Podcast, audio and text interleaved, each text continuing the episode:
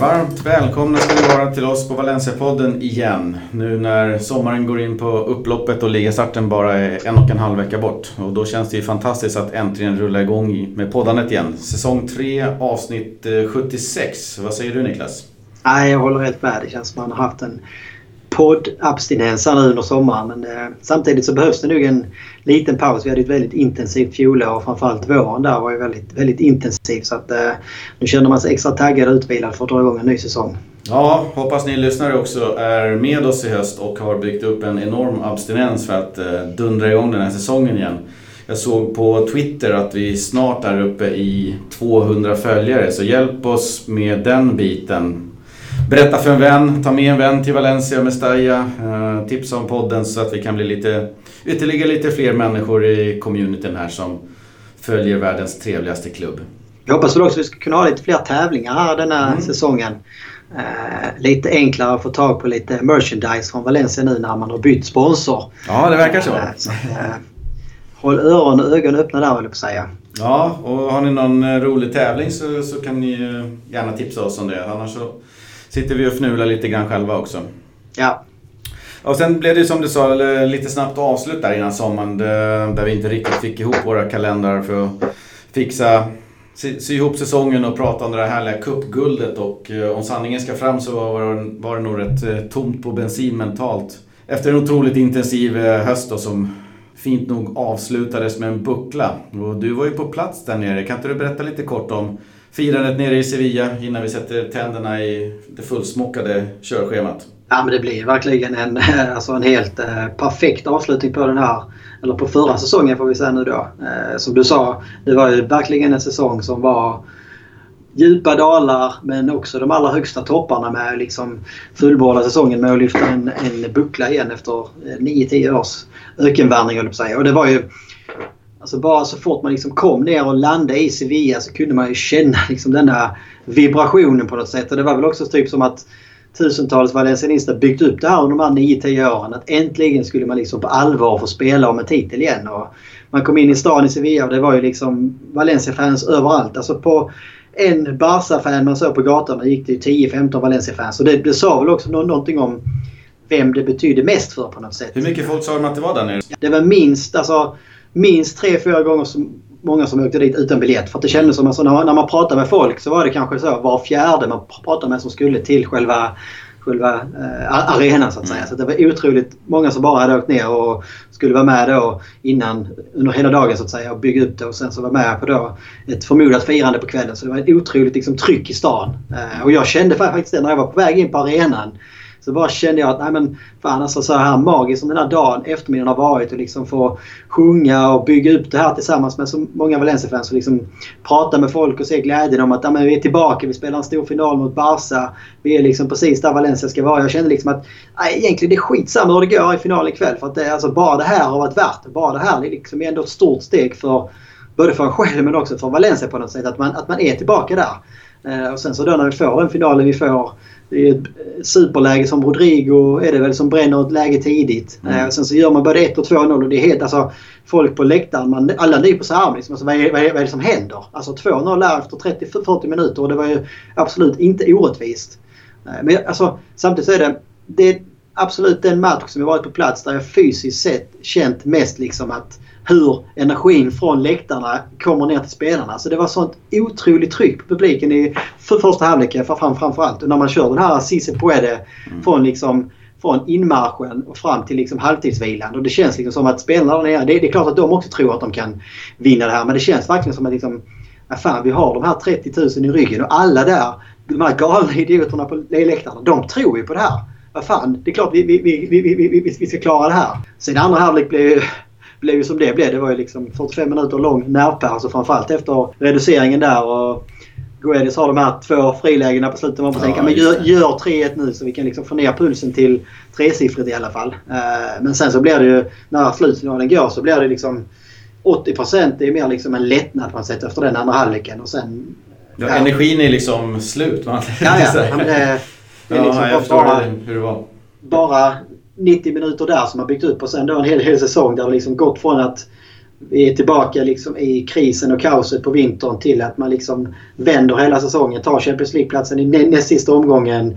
Slår Barcelona i en stor final och tar en titel. Alltså, den säsongen fanns ju liksom inte på något sätt. Det var ju verkligen ett perfekt skrivet manus. Och, det kändes lite också när man såg på bilderna. Eh, det, det, var mycket bilder från ett stort tält där eh, det fanns någon ja, scen och ölförsäljning. Alltså, den glädjen innan en, en stor och viktig final. Så att man, man kunde inte riktigt på bilderna då se någon typ av nervositet. Utan det kändes som en, en enda stor glädje, gemenskap, det var sång, det var liksom otrolig taggning och uppladdning. Och så här med facit i hand och med en buckla i prisskåpet. Så så kanske man kan känna att ingenting kunde gå fel en sån här kväll. Det hade ju varit fel på manuset om Barca ja. hade vunnit. Ja men exakt, ja, men det var precis som du säger och det var det som jag också menade. Liksom att man, alltså jag tror de flesta när man gick till arenan var så jävla nöjda. Och det kändes också som att alla liksom verkligen kände att men, nu ska verkligen ta tillvara på den här dagen till 110%. Njut av varje stund här nu. Eh, för liksom, det, det, kan ta 10 år innan vi är tillbaka. Det, alltså, alla var ju verkligen helt galna. Alltså man, eh, det var liksom öl som ja, slängdes hit och dit. Det var danser och sånger. Och man tänkte liksom fan alltså folk kommer inte kunna orka sjunga när väl eh, matchen drar igång. Men eh, det tog tre, fyra dagar i alla fall för mig innan jag var tillbaka min röst när man kom tillbaka från Sevilla den helgen. Men det var det väl värt. Ja, verkligen. Fin bild på dig och Lasse där på läktaren. Ni såg ja, ja, det var ju en extra biobonus där. Det tog ju också 45 minuter innan vi insåg att, att vem, vem vi båda var så att säga. Det var ganska kul. Jag kom in lite senare och det var lite trångt. och Eh, vi satt lite utspridda där med Chess Scandinavia så att vi hade liksom inte träffat alla som var med där heller innan. Mm. Eh, så vi stod där och man skrek och man hoppade och kramades när det blev mål och sen så blev det paus och då liksom började man mer kolla sig runt omkring. Liksom här, ja, okej, vilka sitter här omkring där? Fan, är det inte Lasse Popp sitter bredvid mig? Jo, det var det. Det var en extra krydda i det hela. Ja, vad härligt. Ja, vi, vi vet att det var många som hade velat haft ett avsnitt där eh, direkt efter cupfinalen, men eh, som sagt bensinen var slut. Kanske, kanske allra mest hos eh, den segerfirande och segerrusiga Niklas Hermansson då. Framförallt rösten var slut kan man säga. Ja, nej, men vi fick inte ihop riktigt schemana där. Vi väntade och det var väldigt intensivt eh, i övrigt på, på jobb och sånt där. Och, och så. Men, men, vi fick en lite snabb genomgång här och nu. Eh, det var ju helt fantastiskt och precis som du säger. Vi fick ju frågan där innan, den heta frågan med eh, cupguld ja, eller Champions League. Men vi roffade åt oss båda så att det, ja. nej, det, det är fullständigt fantastiskt eh, avslut på säsongen. Och återigen sitter man här nu och tänker att fan undrar om det kan bli ännu bättre nästa säsong, kommande säsong.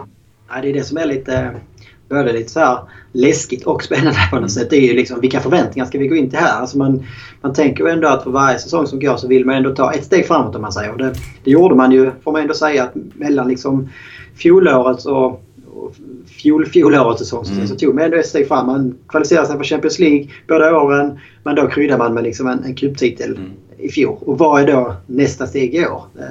Tredjeplatsen.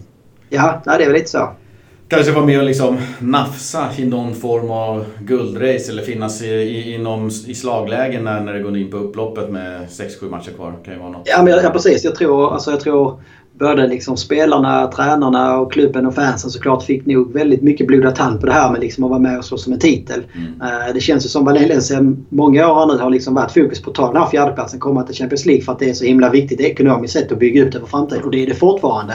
Man ska liksom inte vaska ligan men jag tror att uh, Ja, det, det är väl svårt för samtidigt så tänkte jag det många gånger också under sommaren att det som gör det så jävla speciellt när man är nere i Sevilla det är ju också att det inte händer varje år på något sätt. Alltså, nu, nu säger inte jag det här att okay, nu kan vi vänta tio år till innan vi tar en ny nyhet. Det, det får gärna hända oftare. Men det är också det som är tjusningen med att följa en klubb som Valencia. Det är liksom att man verkligen njuter av framgångarna på något sätt. Man, man, man tar aldrig någonting för givet.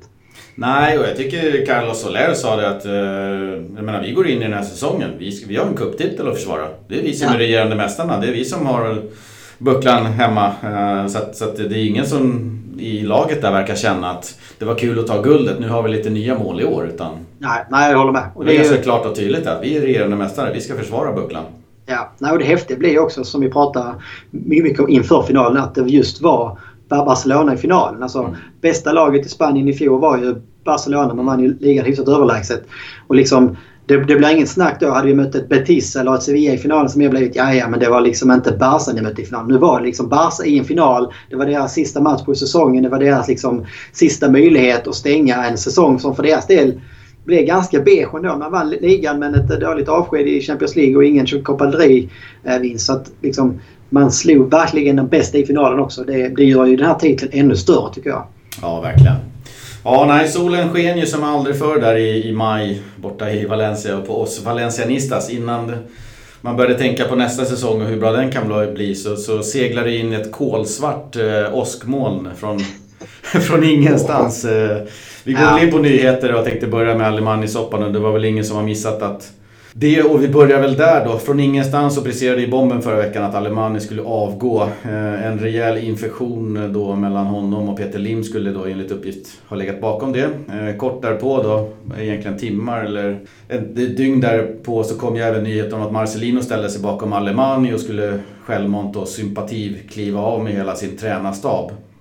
Och när skiten träffar fläkten liksom på det där sättet så då är paniken total. Alla, alla Valencia media rapporterar konstant. Alla supportrar slänger sig över sociala medier och, och ehm, ja, det var ju hemskt. De kallar det för ja, mega crisis där nere. Ja, och vi kan väl bena ut den lite i korthet vad som hände men jag skulle ändå vilja börja med att ställa en liten fråga till dig. Eftersom eh, nu så här i efterhand har man hört att det hela till stor del då berodde på så kallad misskommunikation eller utebliven kommunikation mellan Alemani och Peter Lim så de var ju tvungna att åka till Singapore och träffas. Eh, så börjar jag ju då kanske ännu starkare undra vad ända in i, ja, eh, helvete håller VD Anil Murti på med här. Hans chef Peter Lim var ju på vippen och sparka klubbens enskilt viktigaste person, sportchefen Alemani då. Och tillika Anil Murtis anställda om vi ska prata på det där stela sättet. Men, det, men så är det ju Alltså, ja. ändå till slut. Eh, och det här händer då under Anil Murtis vaktpass. Han är inblandad där. Han vet vad som händer, han vet vad den ena har sagt, han vet vad den andra har sagt, han vet vad som har gjorts och så vidare. Underkänt tycker inte ens jag räcker i betyg för den här soppan från Anil Murti. Utan jag tycker, ser man objektivt och nyktert på det här så är det underlag för ett avsked på stående fot, tycker jag. Ja, det blev ju väldigt snabba svängar för Anil tyckte jag. För att innan liksom det här kom fram efter mötet i Singapore, vad, vad det var som var orsaken eller vad som i alla fall kommuniceras ut som orsaken, så kändes det som att här tog Anil Morti chansen att liksom vinna poäng bland Valencia-fans. För han har ju varit direkt hatad och han blev mm. ännu mer hatad. Det såg man ju när den här konflikten liksom när elden stod som högst så såg man ju liksom Alemani kom ut från Valencia-kontoret och fans stod utanför och hyllade honom och applåderade. Sen så kom Anil Morti fem minuter senare och det var ju liksom glåpor och tomater mm. på bilen i stort sett. Men då kändes det som liksom att Anil Morti förstod kanske det, eller jag vet inte. Men det, alltså att han försökte gå in som någon så här medlare. Okay, att han skulle prata med Peter Lim, han skulle prata med Almani och han skulle liksom... Han gick ut och sa så här. Jag ska liksom försöka se till att det här löser sig på bästa sätt för Valencias bästa. Och jag ska liksom försöka få de här två att mötas på något sätt. Och det känns som, ja, han är ändå hyfsat smart för här ser han liksom sin möjlighet att kunna bli hjälte på något sätt. Men sen då när när ännu mer fakta kommer fram så visar det sig att det, det, det är Anil Morti som liksom från första början kanske då är boven i dramat.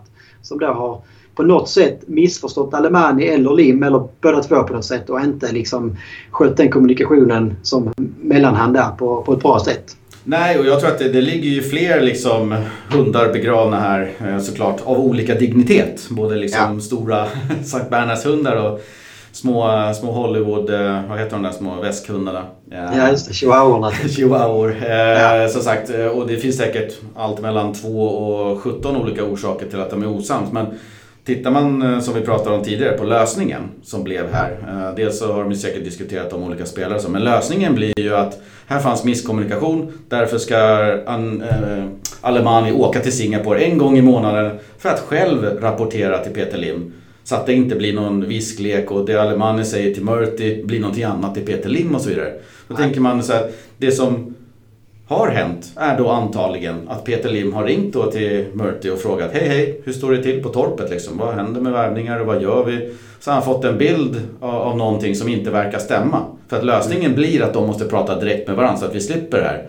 Och där står ju då Anil Murti med Svarte Petter i min bok. Eh, I alla fall i den misskommunikationssoppan som verkar vara den största delen. Ja, det blir också svårt för att det är Jag tror det finns många nyanser av det här som mm. aldrig kommer komma ut. Och det, det är väl också bra att det inte alltid kommer ut. Jag tycker det är tråkigt att det kom ut så här mycket som det gjorde.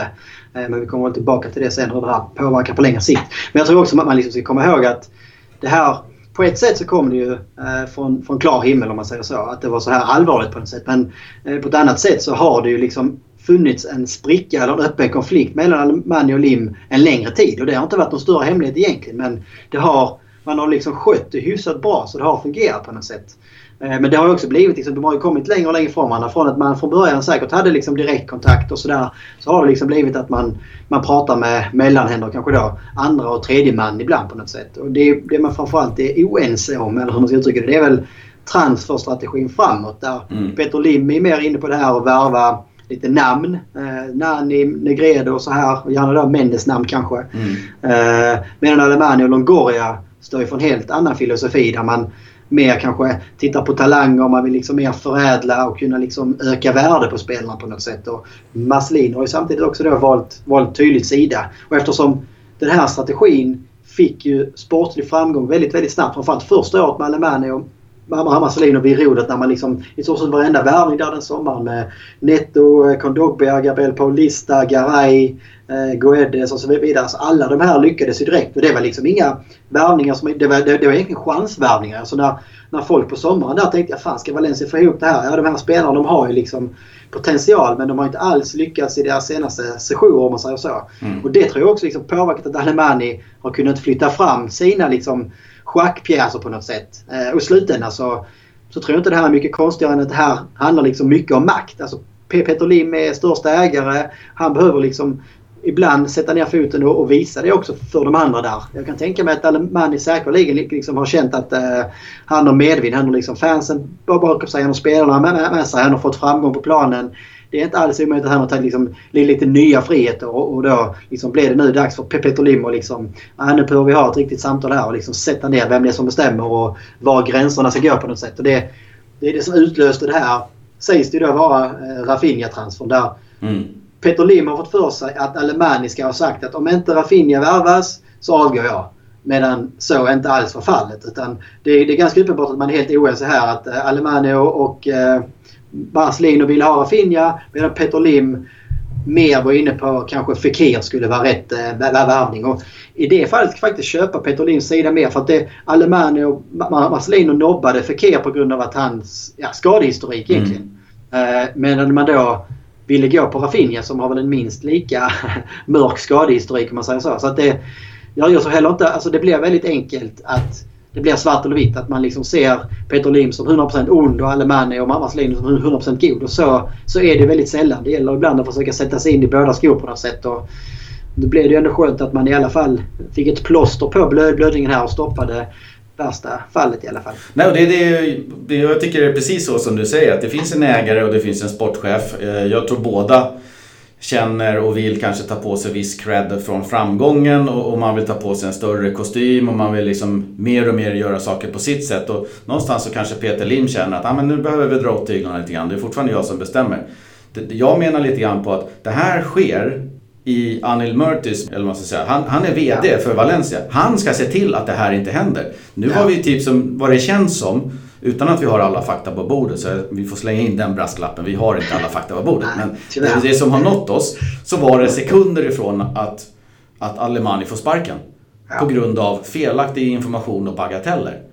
Eh, och på grund av att en, en, att en ägare inte riktigt vet vad en sportchef gör och en, en sportchef kanske tar sig lite för stora friheter vad ägaren inte vill och de pratar inte med varandra. Det måste ju vara Anil Murtis uppgift att se till så att sånt här inte händer. Att det finns en kommunikation, det finns raka tydliga trådar, riktlinjer, forum där sånt här ventileras. Jag tycker det är så ja, undermåligt och så, så sköts det här i media.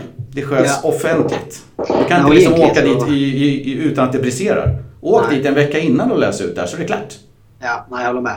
Det kändes också, för det var Sverige, liksom, precis som säger in i det sista att nej fan, åk ner istället och prata själv att inte det liksom var första ja. lösningen. Men det, på något, något så blir det också... Ett, så tänker jag så här. Det blir ännu mer uppenbart att Anil Mumortis VD-roll det är liksom bara en täckmantel. Alltså han, han, han har egentligen ingen makt alls. Alltså, han är ju bara en person som ska vara liksom någon slags... Eh, Peter han är förlängda arm. Ja, han, han, han, ska liksom lyssna vad, vad som händer eftersom inte Peter Lim är på plats. Alltså han, han kan ha vilken, vilken lakej som helst egentligen för Anil Murti. Men det, det, är, alltså, det jag satt och funderade på i din utläggning det var ju alltså, det är kanske snarare så att Anil Murti som är den som har eh, liksom känt att han får för lite cred, han får för lite makt på något sätt. Mm. Eh, han liksom ser att Valencia sen han kom in som VD faktiskt har liksom rest sig och har gjort många grejer bra. Sen att det inte beror på honom. Men han kanske börjar känna att fan, här borde jag få mer cred. Här, här borde jag liksom kunna få visa mer. Jag är faktiskt VD här. Eh, så det är liksom det är han på alla sätt och vis som kanske är boven i dramat på något sätt. Att han... Ja, och jag tror att jag, under alla omständigheter så har han gjort det bättre än Lei Hun Chan som var där innan. Eh, men det hade nog grannens hund också gjort bättre. Ja, eh, ja precis. Så, så, så viss cred ska han väl ha att han har gjort några saker och bla bla bla. Men jag håller med dig. Han kanske känner att han borde få mer cred än vad han fått. Ja, för det är också... Det kom ut massa både videoklipp och eh, bilder från eh, Copa del Rey-finalen där, där. Alla har säkert sett de här klassiska kramarna mellan mm. Alemani och Marcelino efteråt. Och då var det ju någon, någon film där när man ser liksom Motti står lite i bakgrunden och bara liksom väntar på att eh, de, de ska köra en trekram eller att någon ska liksom krama honom och liksom gratulera honom. Och det blir, det blir typ ingenting av det. Man kan inte se liksom hans ansiktsuttryck och det liksom förändras från att liksom, fan jag är också, det är vi som gjorde det här, det är vi som är gänget.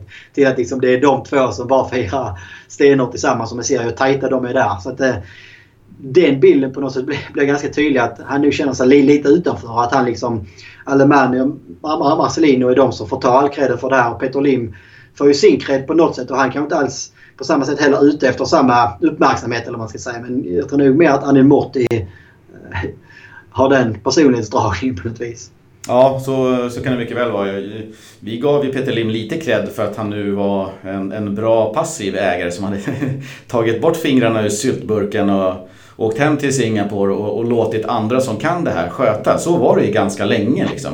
Ja. Att han skötte sig bra. Sen så kom det här från ingenstans att han nu verkar velat avskeda då. Eh, Precis, man, men det, man vet alltså det kan Petter Lim kanske egentligen är 100% oskyldig i hela mm. det här. Så det, det kanske bara blivit så att eh, Murti har sagt till Lim att eh, om inte Alemani får köpa Raffinia så slutar han. Och då liksom Petter Lim bara, vad fan säger du? Han, han ska inte sluta och vi ska inte köpa Raffinia. Vad fan är det som händer? Alltså, om det bara är så så är ju liksom, får man ändå säga att nej, men då gjorde väl Petter Lim även här rätt skulle jag vilja säga. Istället för att liksom förhandla via Mortis så ber han Alemani komma till Singapore, sätter sig öga mot öga, reder ut vad fan det är som har hänt.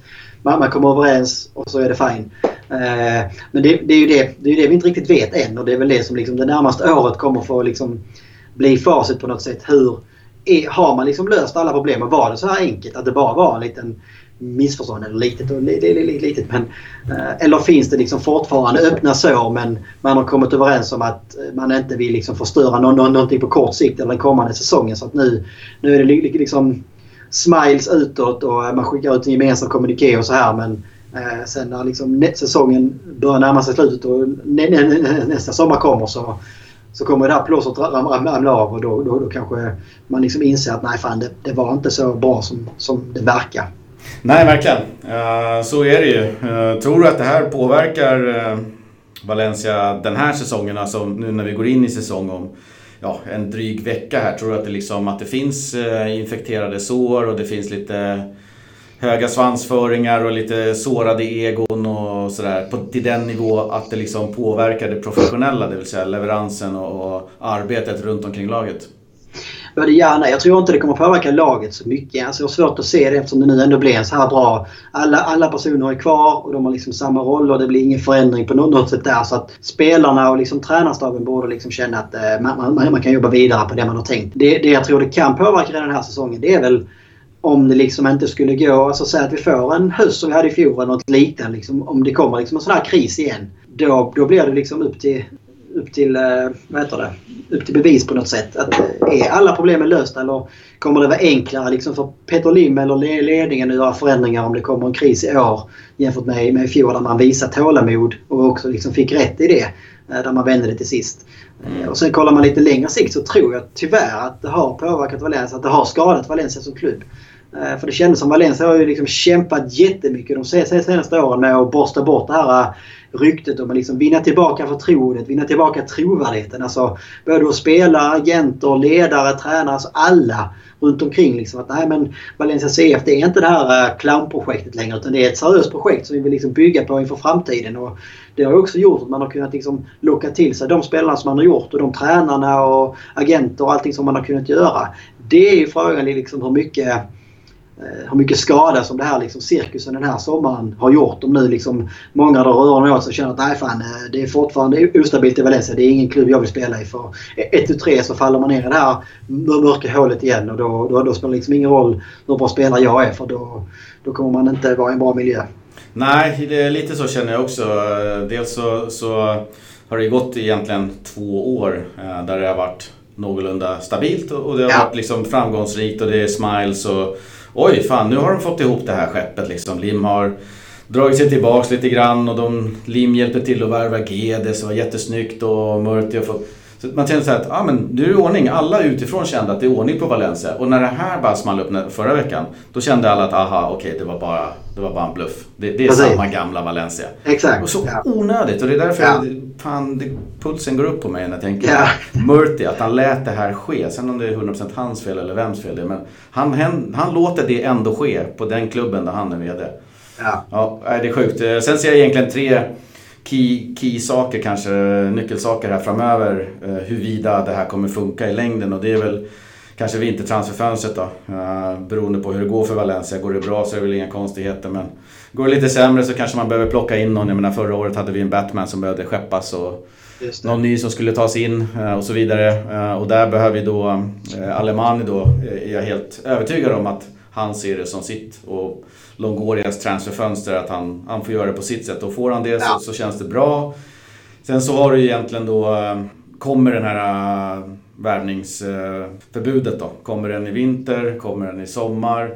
Och om den kommer så, så, så blir det ju väldigt mycket mindre kanske arbetsuppgifter för en Alemani och, och sammanstråla det då samma, samma punkt där hans avtal går ut. Eh, så kanske det finns något, något incitament för honom att kanske hitta på någonting annat då om man inte får värva spelare på, på, på två eller tre fönster. Liksom. Det kan ju vara en sån grej som, som, som bidrar. Då. Ja, nej, men det är väl det som känns lite... Det är därför jag blir lite sådär att jag inte köper och liksom sväljer hela betet här med Hulahör som, som Valencia skickar ut. Där man liksom såklart också ville lugna alla trupperna och man skickar ut att allting är löst, alla är överens, alla är kompisar igen och bla bla bla. För det känns som man hade liksom haft ett jäkla läge att verkligen få förtroende i det här budskapet om man samtidigt hade sagt att det här var ett skitproblem. Liksom, det var stormigt, det var ett vattenglas. Eh, så nu är allting löst och samtidigt har vi också förlängt kontraktet med Aluminium mm. Hammarslino. Då har liksom alla känt okej, okay, fine det är löst på kort sikt men det är också liksom, är man överens om strategin på längre sikt. Nu ligger vi fortfarande den här längre sikt och nästa sommar med bådas kontrakt som löper ut, den ligger fortfarande i luften liksom. Mm. Eh, och varför skulle man inte förlänga nu? Alltså vad är det som gör att man liksom inte har förtroende nog? Och är, är det från Lims och Valencias sida man tvekar eller är det liksom från andra sidan man tvekar? Det, det vet vi heller inte riktigt. Alltså det kan ju vara att eh, Lim har lagt ett förslag på bordet men Alemani känner att han inte vill, vill liksom ta det. För det ska man också komma ihåg. Alltså, både Alemani och Marcelino deras arbete i Valencia, det är ju självklart. Det har ju inte gått obemärkt förbi hos andra klubbar. Nej, verkligen så menar, skulle, skulle det blivit liksom, här, worst case i sommar att båda de två hade avgått så är jag helt säker på att det hade stått liksom klubbar som tagit emot dem med öppna armar. Ja, ja, ja, absolut. Jag tror att de är välkomna då i stort sett det, överallt där folk ja, behöver tränare.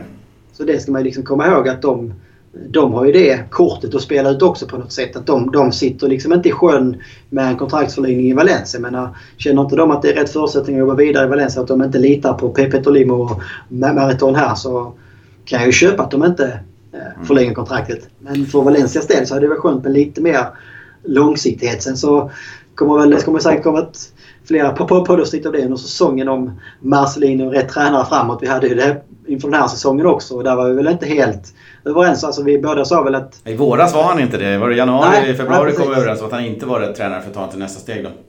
Nej, och det, det får han chansen nu göra så det blir liksom mm. upp till och överbevisa oss också. För det är ju, jag tror inte det är fel att Valencia nästa sommar byter tränare. Eh, men det, det, det, har ju varit uppenbart också att det är betydligt svårare att hitta en bra sportchef än att kanske hitta en rätt tränare på något sätt. Och hitta en sportchef och en tränare som synkar är väl allra svårast. Och det, därför ska man kanske också vara rädda om den situation som man har idag. Nej, e- exakt. Och, och, och någonstans så, om man nu ska använda det stela ordet projekt då, så, så tror jag verkligen på projektet då som Alemani har. Eh, man pratar då Longoria och, och Marcelino är väl en del av det. Eh, jag, jag tror verkligen på Fan vad jag gillar Alemani och det han gör. Det, det ska ja. sägas och det har jag varit inne på podden tidigare.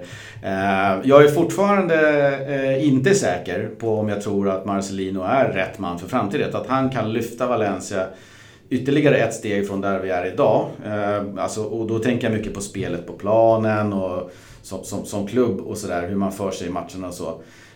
Det jag tänker på en, en ganska jobbig grej i och med att Marcelino med tränarskap skulle avgå direkt när Alemani då ja. skulle få sparken. Vad händer om uh, Lim och Murty då väljer att inte förlänga Marcelinos kontrakt nästa sommar utan säger att det stannar Alemani kvar då eller sympatikliver han också av?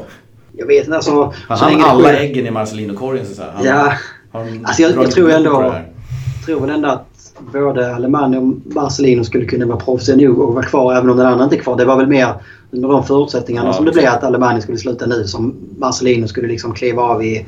För att han inte heller litar liksom på Peter Lim och de här. Men skulle man, man kunna förklara för Alemani att vi tror fortsatt på projektet framåt. Vi tror att du fortfarande liksom är rätt man att sköta det sportsliga. Men eh, Marcelino har gjort ett fantastiskt jobb fram till nu. Men nu behöver vi liksom få in en ny röst. Nu behöver vi få spetsa till andra delar i liksom, spelet eller organisationen eller någonting som Marcelino inte är bra på. Alltså det, det, det är så med alla projekt. Det pratade vi om sist också. Det var ju så precis så som Valencia gjorde i början av 2000-talet när man byggde upp sin liksom, gyllene era på något sätt. Man hade två, tre olika tränare som hade olika kvaliteter. Och liksom med Benitez vid rodret så var det väl den säsongen där man liksom fick ut max av egentligen både Cooper och eh, Ranieris liksom, tränargärningar också på något vis.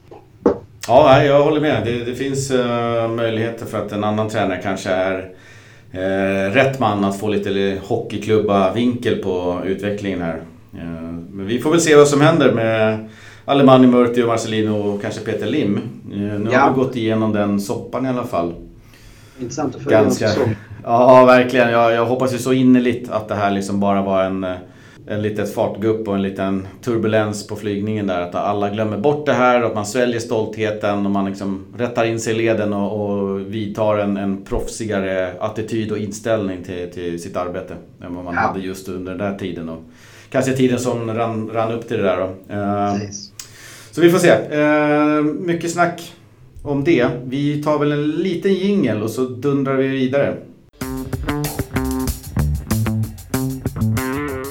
Då går vi vidare. Uh, kring uh, kanske lite mer nyheter. Vi tänkte prata lite om spelarna som finns i truppen här nu. Uh, som tillhör Valencia. Och sen så tänkte vi ta ett litet, litet ryktespaket på slutet. Det är ju ändå silly season. Nu är det några veckor kvar i och med att fönstret stänger 2 september. Då. Men det, det är ju mycket rykten ganska konkreta saker på vissa håll också. Så att vi, vi avslutar med eh, rykten då, då eh, kring spelare in. Men börjar på Kangin Lee. Som, eh, som nu det är kommunicerat då lite officiellt att han stannar. Det har varit lite turer fram och tillbaka i somras. Och ska man lita då på media så vi refererar, refererar väl till media här i alla fall då. Men de hävdar att Kangin Lees ringhörna har krävt en utlåning då. Om då inte Marcelino och Valencia kan garantera speltid. Ehm, jag vet inte hur mycket sanning det ligger just i den punkten men Marcelino har nu sagt att Kangeli tillhör truppen, det är en fantastisk spelare. Han kommer precis som alla andra eh, konkurrera och eh, få den speltid han förtjänar. Ehm, nu gäller det väl lite grann att få Kangins omgivning att förstå att konkurrenssituationen det är någonting som alla spelare måste ha och lever i. Ehm, speltid är någonting som man förtjänar efter att man har visat att man ska ha det och så vidare. Exakt. Nej, men det har väl också varit mycket... För ett, först i sommaren där så sa man ju att nej, men Valencia var intresserad av att låna ut honom men då var det mer från Kangelis håll. Nej men man, han ville inte bli utlånad så ville han bli såld. Och det var mm. inte Valencia så intresserad av. För man ville fortfarande liksom behålla och se om han blir den här diamanten som man liksom har alla möjligheter att kunna bli på något sätt. Så det, mm. det, det, tycker jag är bra att man liksom inte var förhastade där och skeppa iväg honom för någon billig peng. Det har vi gjort av en del andra talanger innan utan att nämna några namn om man säger så. Sen så är det precis som du är inne på, det är en jävla delikat situation för jag fattar ju också Marcelino att han kan ju inte liksom garantera x antal minuter eller x antal starter. För det, alltså han har en grupp att ta hand om. Det blir helt ja, det är hål i huvudet. i gruppdynamiken att någon spelare ska liksom ha inskrivet i kontraktet att de ska se så mycket, mycket, mycket speltid. Och det måste ju också Kangeli förstå på något sätt. att mm. Alltså, om, om du är tillräckligt bra så kommer du få spela. Det är liksom ingen som, som vill stoppa honom. Alla vill ju att han ska bli sitt bästa jag. Alltså, snarare så kommer väl en sån som Kangeli få många fler chanser än många andra spelare eftersom han har den liksom håsen omkring sig som man har på något vis. Så, det, jag tycker hela den här situationen eller hela diskussionen omkring det här med, med garantier och sådär. För mig blir det bara löjligt på något sätt. Nej, och du kan inte bestämma liksom att nu är han klar eller nu är han redo eller nu är han mogen. Alltså alla spelare är ju på något sätt, jag skulle lite poetisk här kanske jag tänkte. men, men alla spelare eller människor eller så. Man är som en, liksom en blomma som ska, ska börja blomma liksom. Och ja. det enda Marcelino kan göra det är ju se till så att det liksom finns jord där, han vattnar, han ser till så att det finns ljus. Sen får vi se när Kangin Lees blomma slår ut och, och, när han är redo för det här. Hans ringhörna verkar mer vara sugen att man liksom, nu ska vi pressa det här på något sätt och riva upp de här bladen så att det kommer en blomma här. Och kan inte du garantera det här så blir jag menar, det finns ju hur många ungdomar som helst där ute som, som har eh, liksom pressats fram för tidigt kan jag tycka. Som här Bojan Kirkic i Barcelona till exempel som kom ju fram väldigt fort och det var ju det nya Messi på alla möjliga sätt och vis. Och liksom, det är väl klart han fick en okej okay karriär men den var jäkligt krokig innan han hittade till medelklubben Stoke är han i. Ja, ja. ja nej, men det är det jag menar. Alltså... Anna Janusaj och vet han, ja, Belgien i United som liksom hausades och hausades. Nu är han i Real Sociedad. Ja, nej, men det, det är superlätt att du liksom bränner dig för tidigt för att man är för jäkla het på, på att kasta in i hetluften. Och då blir det också att helt plötsligt är du startspelare så kommer det ansvar på dina axlar framförallt. Liksom, om du är en sån spelare som har haussats upp av liksom fansen, av media. Alla vet att det är den här stortalangen. Alla förväntar sig då också att han ska liksom göra underverk direkt istället för att slussas in sakta men säkert. Det är mycket enklare att göra bra ifrån sig i så här 15-20 minuters inhopp än att liksom mata 90 minuter vecka in och vecka ut. Alltså det är nästan ingen spelare i den åldern som har den jämnheten att kunna vara bra hela tiden. Då blir det lätt att liksom sätta sig i huvudet om du kommer in i en lite sämre period. Så jag hoppas liksom och tror att man har tålamod här från båda håll på något sätt. För att, eh, och det tycker jag man verkar ha, Marcelino ja, i alla fall. Tänker så här, alltså, väldigt många gapar ju efter, nej men nu ska han ha en central eh, roll, liksom offensiv mittfältare med fria tyglar så har man liksom rutinerade spelare bakom. Låt han vara stora kreatören liksom. Men han ska ju kriga mot uh, Tony Kroos och, och liksom andra spelare. Liksom så, och, Alltså man, man, kräver att nej, han ska ha speltid, byt ut Parejo mot Kangeli eller bla bla bla. Det känns mer vettigt att man, som Marcelino försöker slussa in han pö om pö på kanske ja. en kant där det finns liksom annan typ av misstagen kostar inte så mycket där. Eh, så, och han fick ändå spela, kollade jag här, 500 eh, minuter förra året. Eh, och det enda man hörde är att han inte fick chansen. Så att, jag menar, 500 minuter är ändå 500 minuter. Ja, men det var väl också någon, någon slags undersökning där med inga spelare, många minuter de hade fått. Och då låg han liksom bra med i toppen där med tanke på vilken ålder han har. Och att han mm. ändå liksom spelar i en toppklubb också. Det får man inte glömma. Det är inte Nej. så svårt för bottenklubbarna liksom att chansa och slänga in sina talanger på något sätt. För att de, de har inget val och inte, in, inte förlora heller egentligen. Så att, eh, nej, det blir lite märklig, märklig diskussion ibland. Och, ja, det, det är väl alltid så här när det kommer fram någon liksom större spelare att det blir, det blir väldigt svart eller vitt. Liksom. Alltså det kommer en ringhörna som tycker att eh, ni måste... Det här är liksom största talangen någonsin i Valencias historia. Det är självklart att han ska vara startspelare direkt och man liksom måste ha tålamod med honom och låta honom göra fel men han ska göra fel på planen. Sen kommer det andra ringhörnan att nej, men ingen ska liksom behandlas, eh, särbehandlas utan alla ska behandlas på samma sätt. Så då kan man gärna sälja honom om man nu kräver liksom garantier. Eh, så det blir, jag vet inte, det blir så infekterat. För hur det, vad som än händer liksom, så är det alltid någon som säger ja, vad var det vi sa? Det skulle, vara, skulle jag spelat honom istället och hit och dit. Sen så var det också som vi var inne på i slutet av våren lite märkligt. Men det är klart det blev också en konstig vår för att varje match var ju så jäkla viktig. Men det var ju mm. ibland som vi pratade om att Fan, har du en 2-3 på slutet så ge Kangeli lite fler inhopp. Ja. Alltså, låt han få 10-15 minuter lite oftare på något sätt. För, för, för att känna på det och få växa in i det och allt så här också. Liksom för, så ibland så kändes det som att Marcelino nästan liksom på... Eh, ja, av, av princip på något sätt eh, inte skulle spela honom bara för att han, han, han, var rädd att han skulle verka populistisk på något sätt. Och så får det heller inte bli. Det måste ju vara balans i det. Nej, det går inte att peka på att Marcelino hade 100% rätt bara för att han tog upp guld och avancerade Champions League. För vi vet ju inte vad alternativet hade varit. Nej, det hade ju kunnat varit så att om man hade satt in Kangin Lee då, som många tycker, han hade inte bara liksom, han ska inte bara ges chanser utan han kommer ju in och levererar. Det är många som pekar på Getafe-vändningen där och där han hade ett par schyssta mackor på slutet. Då. Ja. Så, att, eh, så att jag vet inte, men jag, eh, om, om jag får tycka så tycker jag att eh, Marcelino verkar ha en sund inställning till hur man slussar in unga spelare. Och jag kan inte säga att han har kanske misslyckats med det hittills med de andra unga som vi har haft. Och jag menar, med, med Kangin Lees folk då som skriker på speltid och, och fans som skriker dit. Någonstans i mitten så står det en 18-årig pojke som Ja, han lyssnar väl på alla och det blir kanske lite snurrigt i skallen på honom. Jag känner någonstans att han spelar i en toppklubb i La Liga. Låt han utvecklas under Marcelinos vinge nu. Kliv ja. tillbaks, upp på läktaren och försök stötta den här pojken nu istället för ja. att alltså, ta på sig några agentkostymer och hålla på och vifta till höger och vänster och ställa krav. Jag tror inte det hjälper honom i längden.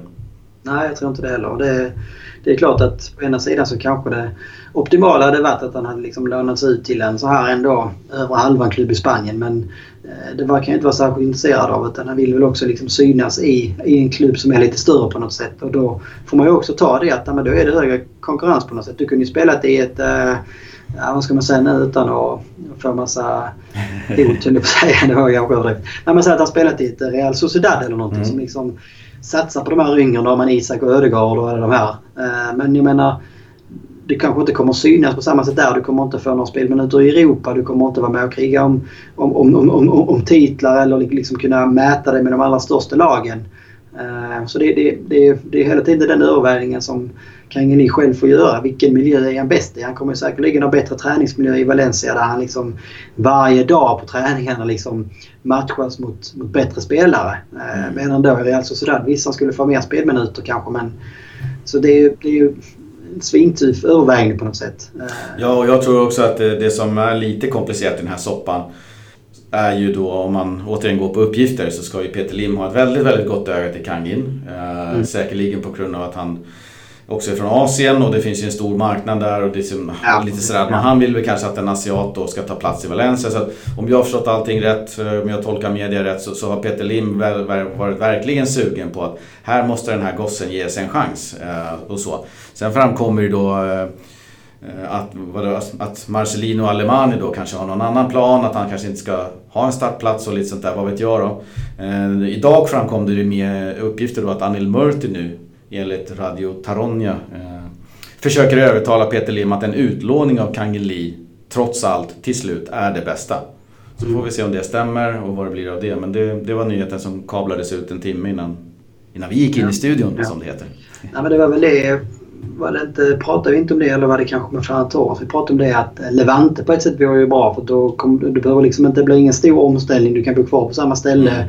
Du bara går till en annan klubb och spelar. Sen så är det ju en betydligt mindre miljö men kanske också behöver ett år för att liksom, fördelen med att komma till en mindre miljö och liksom lite sämre miljö det är ju att du, du, du, du kan ta på dig mycket mer ansvar. Du kan ju slå frisparkar, du kan liksom slå straffar. Du kommer liksom vara en spelfördelare kanske om du går in i ett Levante på ett annat sätt. I Valencia så är det ju men även om han skulle bli ytter så är det ändå stentuff konkurrens. Du har en Guedes som i stort sett är given på vänsterkanten. Du har en Carlos Soler som är några äldre och som liksom spelar till sig en bra plats på högerkanten. Och bara bakom där har du också då en Ferran Torres som som liksom inte heller ska underskattas som talang även om kanske kan, kan ge lite större potential. Eh, så att det är ju liksom... Får slänga in Jason och Cheryshev också i konkurrensmixen. Exakt. exakt. Så att det är liksom inte ens givet att han är andra spelare på någon position i Valencia. Utan det är ju upp till honom själv att visa det. Och än så länge har han liksom gjort en halv säsong på seniornivå. Mm. Så det är liksom, man ska heller kanske inte kräva eller begära eller förvänta sig att han kan in nästa år ska stå igenom. Man kan kolla på sån som Ferran Torres som var lite grann i samma sits för något år sedan. Eller, han, han var inte alls så här håsad såklart men det var ändå liksom så. Han, han kom upp och gjorde det bra och folk skrek om att han liksom skulle starta.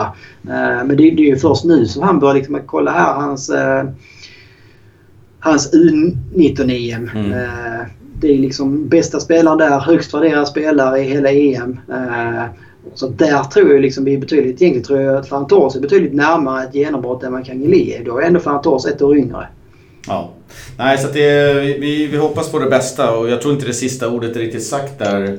Vart han ska spela, om han ska spela eh, eller om han ska lånas ut och hur han ska användas. Det, eh, jag sa det innan här, jag tror att det kan bli en riktigt stor snackis hela hösten här med, med Kangeli. Eh, sparsmakat med, med speltid så, så då blir det ju möten vet du. Då, ja. då, då åker de in på kontoret där och, och, kräver speltid eller utlåning eh, till vinterfönstret. Ja, nej, det blir en eh, delikat det gäller för Marcelino och liksom hela gruppen att hantera det på ett bra sätt så att det inte blir för infekterat heller på något sätt. Mm. Alltså det, det får inte störa liksom... Det får inte störa Kangeli. Nej, nej och det får heller inte störa. Alltså det känns också som en av Valencias nyckelfaktorer på något sätt har ju varit att man har en jävla bra grupp. Alltså det, det såg vi bara för, för förra året när Batman försvinner. Mm. Det att det är säkert inte 100% av det som gjorde att man vände men det blir också ganska tydligt på, ja, men det blir tydligt liksom att en spelare kan infektera en hel trupp väldigt lätt. Eh, nu, nu är inte Kangeli den personligheten men skulle liksom det här bli ett problem som media fokuserar på så är det klart att det liksom också kommer att skapa sprickor i liksom en spelartrupp om de känner att fan det enda det skrivs om det är Kangeli hit och Kangeli dit. Alltså, det blir inte bra för någon, inte för Kangeli och inte för gruppen heller. Så att, Han känns ju kan... som en ganska timid och ödmjuk eh, pojk sådär. Ja, faktiskt. Ja, eh, det som i alla fall eh, jag tycker verkar väldigt positivt eh, det är att man håller på med en liten uppdatering av kontraktet då. Enligt ja. uppgifter i media då. Skulle, kan ju, alltså ponera då att Kangeli tar en ordinarie eller en semi-ordinarie tröja och gör succé så ligger utköpsklausulen på 80 miljoner euro. Mycket pengar såklart, men den är inte skyhög. Alltså det är ju, där kan ju liksom en stor klubb kliva in och plocka det ganska direkt då. Ja. Eh, med tanke ja, på vad Joao Felix eh, gick för då från, från ja. Portugal och så vidare. Jag menar, levererar i, i Valencia som befinner sig i toppen. Eh, med ett par baljor, ett par frisparkar och lite så. så att, det vore nog smart att höja utköpsklausulen kanske och ge honom någon sedelbunt till i, i lön så att, så att han blir nöjd. Då. Ja, jag håller med. Sen går vi väl vidare där på just det du nämnde. Det var lite mästerskap i somras. Dels hade vi Carlos Soler som spelade fyra matcher i det spanska U21-landslaget som bärgade guldet i U21-EM.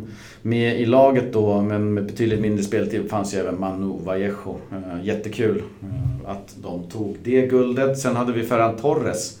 Och han har ju lite utvecklats till eh, en stjärna av sin årskull i Spanien i alla fall. Då. U19-EM som du nämnde där gjorde han fyra baljer, vann guld och blev utsedd till turneringens bästa spelare. Stiligt. Båda målen i finalen dessutom ja. Ja, ett i semi och två i finalen. Så att han gjorde ju verkligen avtryck där. Och då ska ja. man kanske, vill inte vara någon partypooper här då, men eh, man ska väl säga att eh, eh, de allra, allra största stjärnorna som är födda då, om det var 99 då, eller då, som han är född då. De är inte med. Jag kollade upp det där. Jadon Sancho från Dortmund är inte med.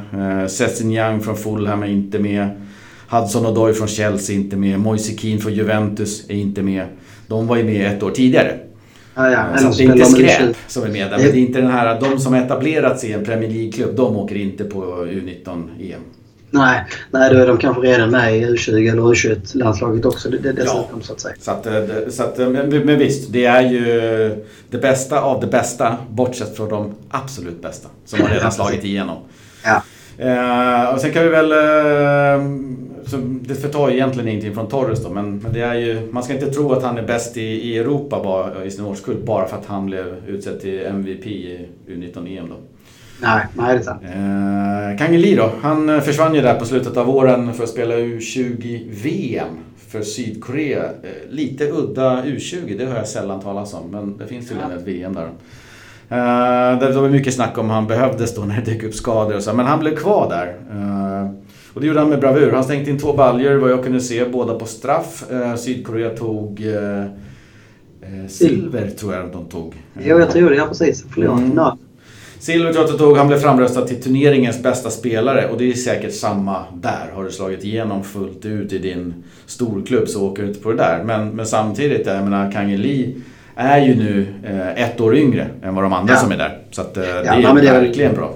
Ja, men sen är det väl också, precis som du var inne på från början, hur mycket det här är 20 För kollar man Ukraina vann, Sydkorea 2 Ecuador 3 så bör man lite så fundera på hur mycket de större nationerna satsar på U20. Precis som du säger så kanske det är mer U19 och U21 som de större nationerna går efter. Men trots allt eh, man kan inte göra det bättre än att Nej, exakt, vinna precis. MVP. Jag menar, då, då, gör, då är det bättre än alla andra 150 killar som är där. Eller ja. Så Nej, jag håller med. De gjorde det så bra de kunde men uh, vi får ta det för vad det är. Fina prestationer ja. i alla fall. Väldigt glädjande att se att Valencias yngre spelare Hugo Guillamon var ju med såklart också i Ferran Torres lag där i U19.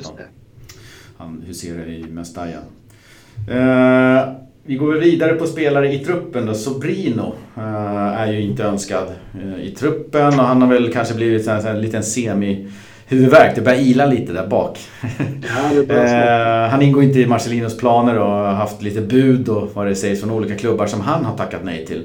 Kontraktet sträcker sig över säsongen 2022, eller sommaren 2022.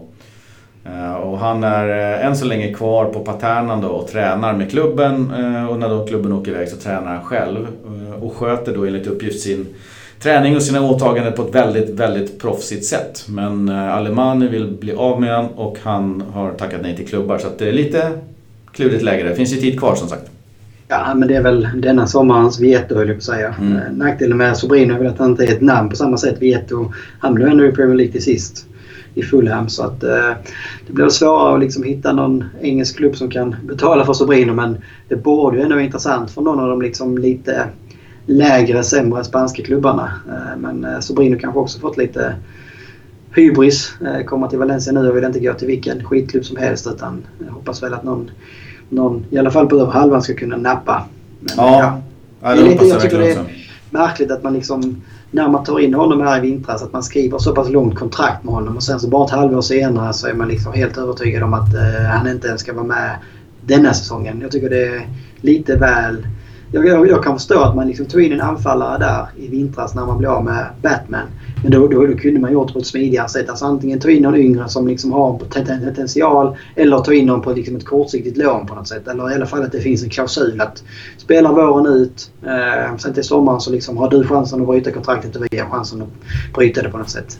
Ja, det enda vettiga jag kan se här eh är ju i sådana fall om han skulle liksom varit väldigt billig eh, i en situation ja. där Valencia inte fick tag i någonting annat. Utan man fick ta en ren budgetlösning. För man var bara tvungen att bli av med, med Batman. Ja, nej så kan det vara. Så, så att, eh, då tog man in en billig lösning och då krävde han i sin tur att om jag ska ha den här lilla lönen då vill jag ha det här långa kontraktet. Och så till, ja. till slut tänkte man att det är värt det. Vi blir av med Batman och vi får in den här Ja, nej, det är så, så att jag vet inte men, men så, så här, lite börjar ila i bakhuvudet där på, på Alemani för de vill ju bli av med honom så att uh, han får inte tacka ja. nej allt för mycket till. Sen hade vi ju Sillisen in istället för Neto. Det har ingen missat. Uh, Neto tycker att det är roligare att sitta på bänken och spela i kuppen för Barca medan uh, Sillisen är trött på bänken och spelar i kuppen och vill ha en första handske då. Jag har ju väldigt svårt att förstå Neto här och ja, så är det. Nej, men det satt ju bakom Buffon i, i, i Juventus ja. och kände att det här, jag, jag kommer aldrig få den här platsen. Så nu vill jag ta en första handske, kommer till Valencia, allt är frid och fröjd. Omtyckt, ja. bra, inga konstigheter, var en stabil målvakt. Och det kändes som, jag vet inte om du såg någonting på cupfinalen där men det sipprade ju ut att han hade ett missnöje att fan den här glädjen kan inte jag dela för jag satt på bänken. Och ja. att det var det som... Ja men det, det, det, det förstod anledningen till att han ville lämna var väl alltså dels att han att Jaume fick stå de här också ligamatcherna på slutet på något sätt och att han inte då fick stå i semifinalen och finalen. För han menar väl på han menar att, att det var byte där? Ja. Mm. Uh, och också då samma sak förra våren när Jaume stod lite, lite på slutet. Uh, och då tyckte då Netto att han tappade sin VM-plats där och att det då liksom har gnagt honom på något sätt. Men på något, något, något sätt så tyckte jag också när man hörde Sillesens uttalande och man hörde Nets uttalande så blev det liksom tydligt vilken personlighet det är man, man vill ha i lag. Liksom. Mm.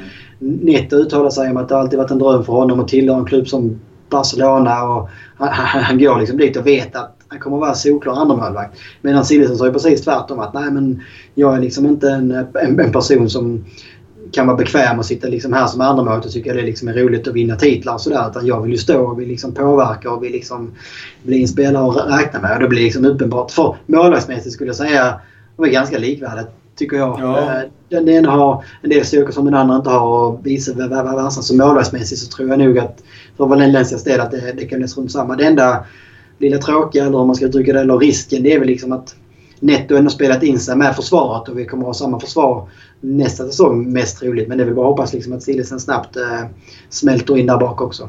Ja, eh, det som jag håller fullständigt med dig. Jag, när det här hände då så, så kom det väldigt från blixt från klarblå himmel för mig och eh, det blev ganska snart klart att eh, då tar jag nog hellre Sillisen. Eh, jag ska ja. erkänna villigt att jag inte har sett jättemycket av Barcelonas cupmatcher för att liksom göra någon fullständig bedömning av hans kvaliteter. Men, men, många säger precis som du att de är relativt likvärdiga och, och, då får det ju vara, då har jag hellre honom då. Det som slog mig däremot och jag vet inte om vi ska be oraklet, om man nu lyssnar, han sa att han lyssnar alla avsnitt, men Hans Christian Lange kanske komma in med något svar på den. Men det slog mig att de trissade upp priset på båda målvakterna till 35 miljoner. Vilket jag kan tycka är något högt för en, en lite till åldern kommen Neto och så vidare och för en andra målis i Barcelona. Men båda priserna var ju på 35 så de möttes där så det var ett nollsummespel. Jag tänkte att direkt att det där måste ju vara något positivt på FFP. Exakt. Ja, men det var alltså... Man fick in omsättningen där och då har man mer FFP.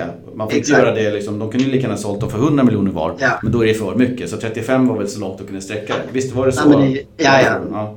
99,9% så var det ju så. Alltså det kommer de ju aldrig erkänna och det kommer mm. aldrig komma ut. Men det var ju också anledningen till att, nu kommer jag inte ihåg hur det var, men det var ju också att eh, den ena spelaren blev ju klar precis innan någon deadline så att säga.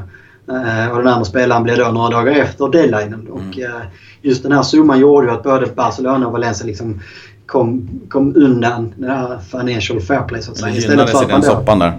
Precis. Alltså det blir ju inget byte. Alltså, hade man inte haft FFP så att säga så hade man gjort ett byte. Det hade aldrig någon transfer som har kommit ut. Nu blev det ju att Valencia sålde netto ena dagen för det beloppet och eh, Barbas löner sålde Silesen några dagar efter eller något tvärtom. Det minns mm. inte. Så det var jävligt smart. Det, det får man ändå säga. Ja, det var eh. ytterligare en sån här grej som är liksom eh, kände fan Alemania, fan det är en klipsk jävel det där. Så det, nu gjorde han någonting. Alltså, det är säkert inte superavancerat för de här sportcheferna. Men för mig då så tyckte jag att det här var ju smart. Det hade jag inte tänkt på. Men jag, jag har inte alla turer varför om omsättning är bättre. För att det blir noll det blir 35 miljoner ut och 35 miljoner in. Så att om du, ska, om du får bränna lika mycket som du får tjäna så, så går det på noll ut. Men det var väl någon dag emellan där och någon gräns och, och så vidare. Så att ja, det kändes smart. Tekniskt där. Och det var väl också, alltså precis som ni är inne på, man gjorde väl ändå det hyfsat smart liksom att det var en, ändå en rimlig värdering, 35 mm. miljoner. Sen det är klart, skulle skulle vi, vi, vi köpt Sillesen och bara köpt honom så hade vi väl ens aldrig betalat 35 för honom eller 30 eller vad det var man gav nu. Uh, så att, uh, en smart lösning och summa summarum för Valencias del så tror jag snarare liksom att det finns uppsida med det. För jag tror att Sillesen kommer komma in liksom med, med en hunger här nu också. Liksom, mm. Stått bakom här ett par år. Uh, ändå varit första keeper innan i karriären och liksom kommer också till Valencia för att han vill visa upp sig och han vill liksom behålla landslagsplatsen och så här. Och ju liksom en vinnarskalle så att jag tror absolut att det, det kan bli positivt för Valencia med Silsen. Ja, det ser jag fram emot. Eh, vi klampar vidare på yttermittfälten, yttermittfältaren, eller wingern. Jason då, eh, från Levante, han är ny. Hur ser du att vi kommer använda honom och, och liksom, finns det verkligen plats då när vi har Cherish och Gedes, Soler, Ferran, Kangin Lido, eventuellt Oklart vad alla ska spela då. Det finns ju en möjlighet som vi pratade om, liksom att man kanske lyfter upp Gedes om man inte får tag i en anfallare. Man kanske lyfter in en Soler centralt eh, som backup till Parejo om man inte får Rafinha och så vidare. Och så vidare. Men hur, hur, hur är det tänkt att vi ska använda Jason? Vilken kant och...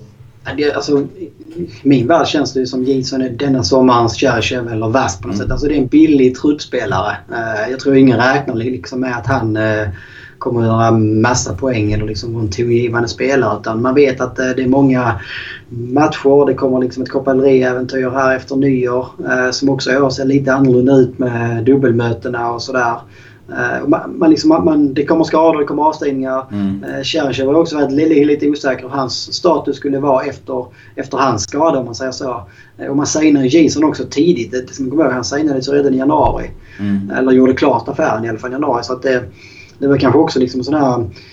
Eh, ja, jag vet inte, lite så här billig chansning att då har man i alla fall honom och ganska lite att förlora på en sån värvning som är så väldigt billig. Men då blir det, blir det fiasko av det så kan man liksom skeppa honom för samma summa i så till, till, till någon annan La Liga-klubb. Jag är helt övertygad om. Han gjorde faktiskt det bra i Levante. Han har smörjt lite under radarn där. Eh, men som sagt, mer en truppspelare än någon som jag förväntar mig liksom ska explodera i Valencia.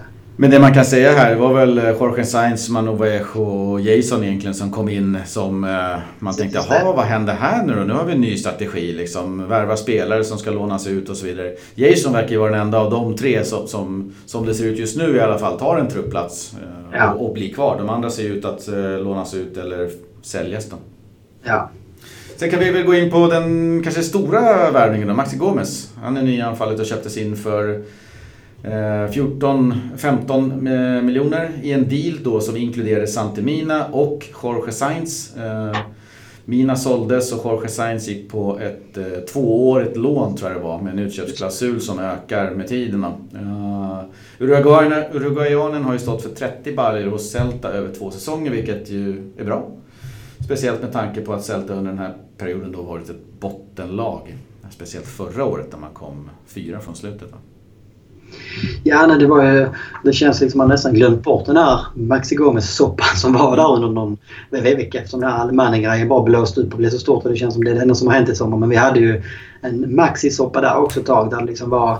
Han värderades ju skyhögt av, av Celta ja, men det var ju också det att helt plötsligt... Ja, de skulle pressa liksom, 25, 40, 40 miljoner ja, plus varit, Santemina. Ja, nej, det har varit en grym förhandling där. Men det var ju också... Eh, det var ju tidigt så blev det liksom ändå uppenbart eller så här, Många säkra källor som sa att nej, men Gomes har själv sagt att han vill gå till Valencia och liksom, han har lovat att han ska gå dit om man bara mm. kommer överens hit och dit. Och sen så kommer då West Ham var ju med tidigt men då nobbade han. Sen så kom ju West Ham tillbaka där när man tappade Arnautovic till Kina för stora summor. Då, då kunde ju West Ham gå in och krydda sitt bud rejält. Och det, alltså, ryktet säger ju att han nästan skulle tjäna dubbelt så bra i West Ham som i Valencia. Jag tvivlar inte en sekund på det. Men ändå liksom så. Det har han själv sagt efteråt också att nej, men för han var det aldrig någon tvekan. Så ett att han skulle hålla sitt ord. Att har han liksom sagt att han spelar i Valencia så är hans, väger liksom hans ord tyngre än pengar. Mm. Eh, men också att han verkligen ville till Valencia liksom med det projektet som finns och spela Champions League. Och liksom det är ett helt rätt steg för honom i hans karriär.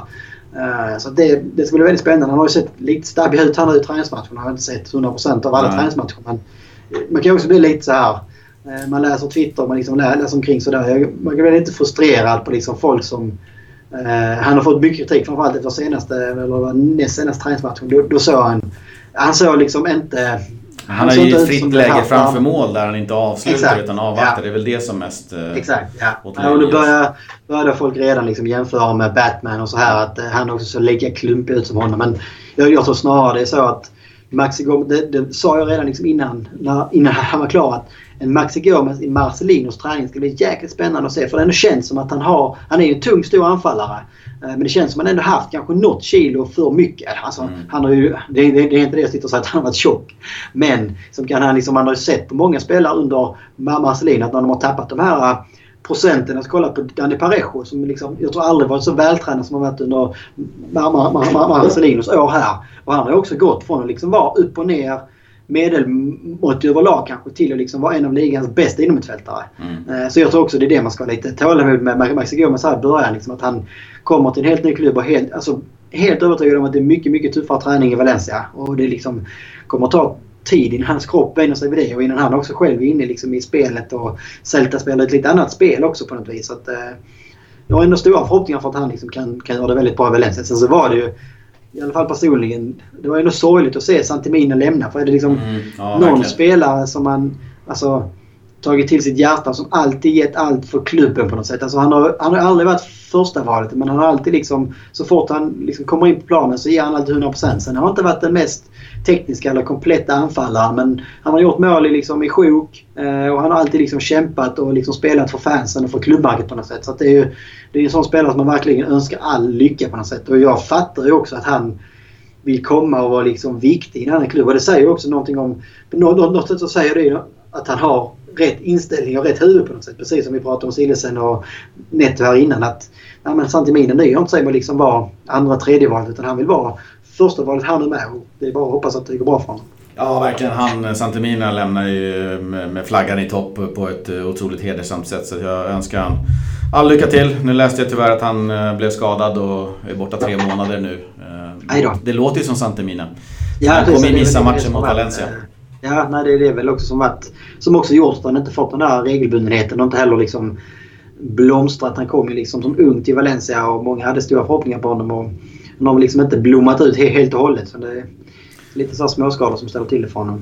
Nej, och det man kan säga om uh, Maxi Gomes också. Jag kollade upp här precis. Att, uh, han har ju spelat i ett Celta Vigo som är en bottenklubb. Uh, jag tror att de kom 12 och 13 för, förra säsongen och förra säsongen kom de fyra från slutet.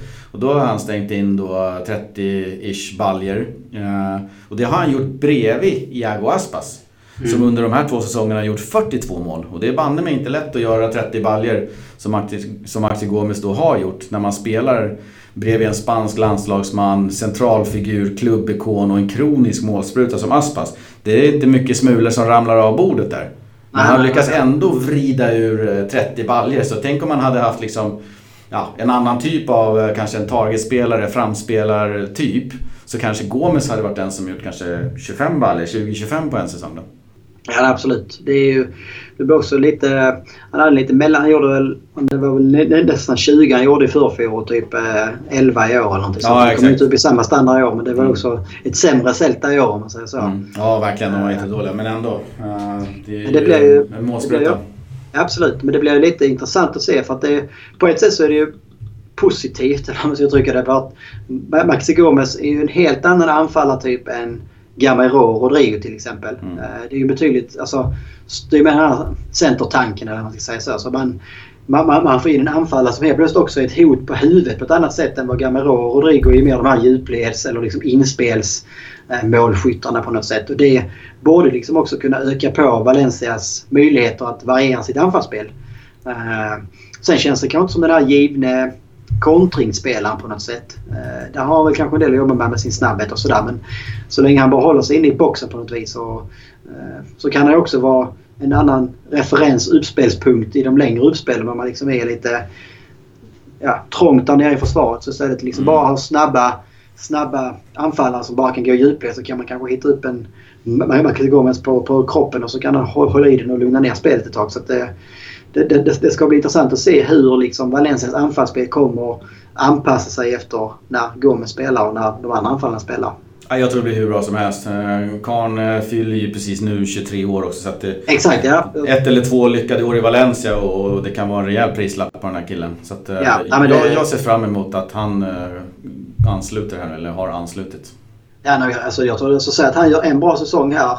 Jag 15 plusmål i ligan och några mål i Champions League. Men han är värderad till 40 miljoner nu tror jag. Alltså den kommer ju vara dubblad kommande sommar. Om, om, om, bara han liksom gör en någorlunda bra säsong. För att det syns ju mer i Valencia också när du gör målen där än vad det kanske gör i Celta Vigo.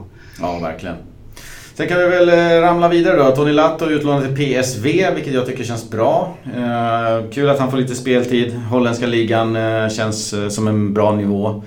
Eh, för att han ska kunna liksom... Det viktigaste ja. är att han tar en tröja och han får spela liksom. Så, så får vi se hur, hur, han kan utvecklas där då. Och sen har vi väl eh, Fran Villalba då, verkar vara på väg till Birmingham. Eh, Oros Ratchis ser ut att gå på lån eh, denna gång till eh, Famali. Eh, som i våras gick upp i Primera Division eh, i Portugal för första gången på 35 år. Och det är samma klubb som Alex Centelles, eh, vänsterbacken, Aha, blivit utlånad till för en månad sedan. Då. Så de blir lagkamrater i så fall. Men eh, Villalba och Racic är eh, mer eller mindre på väg ut och Lato har ju redan anslutit till eh, PSV. Ja, nej, men det var väl ganska väntat ändå. Eh, men Lato, den här säsongen hade han inte många spelminuter och han är ju i ett läge liksom i sin karriär där han behöver, behöver minuter så att säga. Så att det, det känns som helt rätt för båda parter. Ja, Manu Vallejo har vi pratat lite grann om. Han är ju på gränsen då för att komma med i truppen. Eh, han är en solklar fjärde forward om han stannar och det beror mest på om Valencia lyckas hitta någonting annat eller inte då. Eh, ja. Jag vet att de försöker sockra några dealar med honom också. Det kommer väl kanske fram till. Men det som det har snackats om eh, är ju två till tre värvningar har det sagt att det ska komma in då. Och här spanar jag på det här pusslet och så behövs det kanske primärt backar då. Vi hade ju 6-7 kontrakterade mittbackar eh, och det återstår ju bara tre. Eh, och med tanke på Garays skadehistorik där så är det väldigt tunt. Diakabi, Gabriel och Garay är de som finns medan Roncaglia, Ruben Veso, Jorge Sainz, Jason Murillo är borta. Sainz då på lån förvisso. Så att en mittback eh, borde du väl kunna kika efter då. Abdenor har ju också försvunnit i sommar. Ja, jag hörde det. Helt fantastiskt. ja. Nej, sen Nej men så är det. Bara, det behövs ja. i alla fall minst en mittback till så man är fyra där. Det känns som fyra har det alltid varit liksom. Ja, det är ju minsta läget och framförallt så vet man då Garay framförallt och Gabriel är också alltid någon liksom så här småskada på något vis. Så att, eh, kanske en riktigt etablerad mittback och en mer eh, mer fjärde back om man säger så. Ja, vi har ju eh, kommit till det på rykten, vad det ryktas på, på ja, fronten. Då. Uh, och sen har vi Bakom Gaia hade vi ju Lato, men han är utlånad och där ropade många på Alex Entejes. Eh, men det blev det icke. Och Salva Ruiz nu har ju offentligt eh, fått höra att han inte ingår i planerna. Eh, även fast han fick mycket speltid på vänsterbacken nu under försäsongen. Och det har väl stått klart då efter de insatserna att. Han inte ingår i planerna. Och han har ju huserat på lån ute i Mallorca, Granada, Teneriffa. Och det är väl slappt, eller dags att släppa iväg Canterano nu. Ja, 24 bast, han har ju tillhört Valencia i hela sin karriär tänkte jag säga. Eh, men nog behöver vi en backup till Gaia också. Ja, det känns som framförallt om man kollar så hade du haft eh, fem mittbackar så kanske man alltid kunde säga att nej men du kan alltid slänga ut en Gabriel på ytterbacken om det skulle liksom vara så. Eller att det är mm. någon av mittbackarna som kan alternera där ute. Men nu är det ju tunt där inne också. Och högerbackarna, vi kommer väl till det. Men där har du egentligen... Alltså Vass kommer väl ännu mer den här säsongen bli en bli högerback så att säga. Ja, så verkar det. Men han är ju egentligen ingen högerback heller. Så att du har liksom inte... Försvaret överlag är ju tunt. Alltså det, det, det är spetsigt. Det, det, det är ju bra eller helt okej. Det, det är samma som i fjol i alla fall. Eh, men eh, bredden finns inte där överhuvudtaget. Nej, verkligen inte. Vi får ju hoppas att eh, Piccini håller sig hel på ett helt annat sätt. Ja. Så att Vass inte behöver liksom ha någon permanent roll där. Utan det är inte optimalt men det ser ut att bli så. Det man kan, det man kan hoppas på för Vass del är väl kanske att alltså, om han nu liksom kan få en fastare roll eller man så uttrycker det. Så att han verkligen kan skolas in och bli en okej okay, högerback. Mm. I fjol så, alltså det, det ska man väl också liksom i jag, jag kan ju vara ganska kritisk till Vass och var väl det flera gånger för Men man ska också komma ihåg att det är inte så jäkla enkelt heller som spelare att ena dagen spelar du innermittfältare, nästa dag är du högermittfältare, nästa dag är du högerback, sen vänstermittfältare. Alltså jag tror det är enklare om Vass liksom får fokusera på att nej men nu är jag högerback sen så kan jag säkert ibland hamna någon annanstans men det är det som är mitt primära liksom, läge. Då kan du liksom också se till att optimera dig själv och, och liksom spela in sig på den positionen på något sätt. Både i, framförallt i positionsspel så tyckte jag att han hade stora problem. Men det får man väl också liksom ha förståelse för. Ja, absolut. Och det, det, där, men det hoppas jag att man liksom kan ha ett okej okay, högerbackslås där med Pecini och Vass om, om, om det nu inte kommer in något mer där. Verkligen. Och, och sen finns det ju stjärnor i Valencia som Marcelino håller liksom allra högst och, och kunde snacka Parejo då till exempel och, och Guedes. Men, men eh, om jag har förstått det hela rätt så håller ju Marcelino Vass och det han för till bordet oerhört högt eh, och oerhört högt värderat att ha honom kvar i truppen. Och det är ju en spelare som vad jag förstår Marcelino inte alls eh, har några tankar på att släppa iväg. Även fast man Nej. tycker att han är en dålig högerback ibland. Ja, Nej, men det är väl också som man ska inte underskatta det att han köper sin roll. Och det var väl ja, det som jag också sa inför förra säsongen. Att det är en perfekt liksom, truppspelare där för att han köper att vara den här eh, vad du brukar säga, den här schweiziska armékniven. Liksom. Mm, att han kan, han kan spela, spela li, li, lite överallt och blir inte sur för det för att han startar som innermittfältare men sen är han halvleksförfaringen ner på högerbacken. Utan han köper det liksom rakt av. Och, verkar ju också vara en populär kille i, i, i truppen när man ser det på sociala medier och så. Här, så att jag, jag förstår att man liksom... Det är, en, det är en skön spelare att ha både i gruppen och i truppen. Mm. Och ha på bänken. Alltså precis som vi sa flera gånger förr att du kan ju liksom ha skador hit och dit men så länge du har en Daniel Wass på bänken så kan ju liksom han hoppa in på tre, fyra olika positioner vad det liksom behövs. Ja, exakt. Och det var det som jag tror var det viktigaste förra året. Då. Ja. Eh, det sista då, eh, mittback. Eh, vänsterback och sen så kanske en anfallare beroende på Manu Vallejo. Men de verkar ju vara lite på jakt efter en dubbelgångare då till Parejo. Eh, en som kan avlasta Parejo. Då säger ju alla stopp och belägg. Carlos Soler har vi i truppen, eller Kangeli. Ja. Nej men där har det pratats lite grann om, om en eh, Parejo dubbelgångare. Så att det är väl där vi står någonstans. Eventuellt en anfallare, eventuellt en backup till Parejo. Eh, troligtvis en backup till Gaia och sen en eh, ordinarie och stabil mittback då, så får vi se vad de får tag i. Eh, transferfönstret i Spanien stänger den 2 september. Det stänger ju den 9 augusti i England. Vilket ju är, vi spelar in på onsdag nu, det är på fredag. Italien 23 augusti, Portugal 22 men sen ställer, stänger alla andra ligor sina transferfönster 2 september. Så det är ju dryga tre veckor kvar. Det är väl också så, bara stanna kvar lite med Parejo, det är ju också jäkligt svårt för att det är liksom...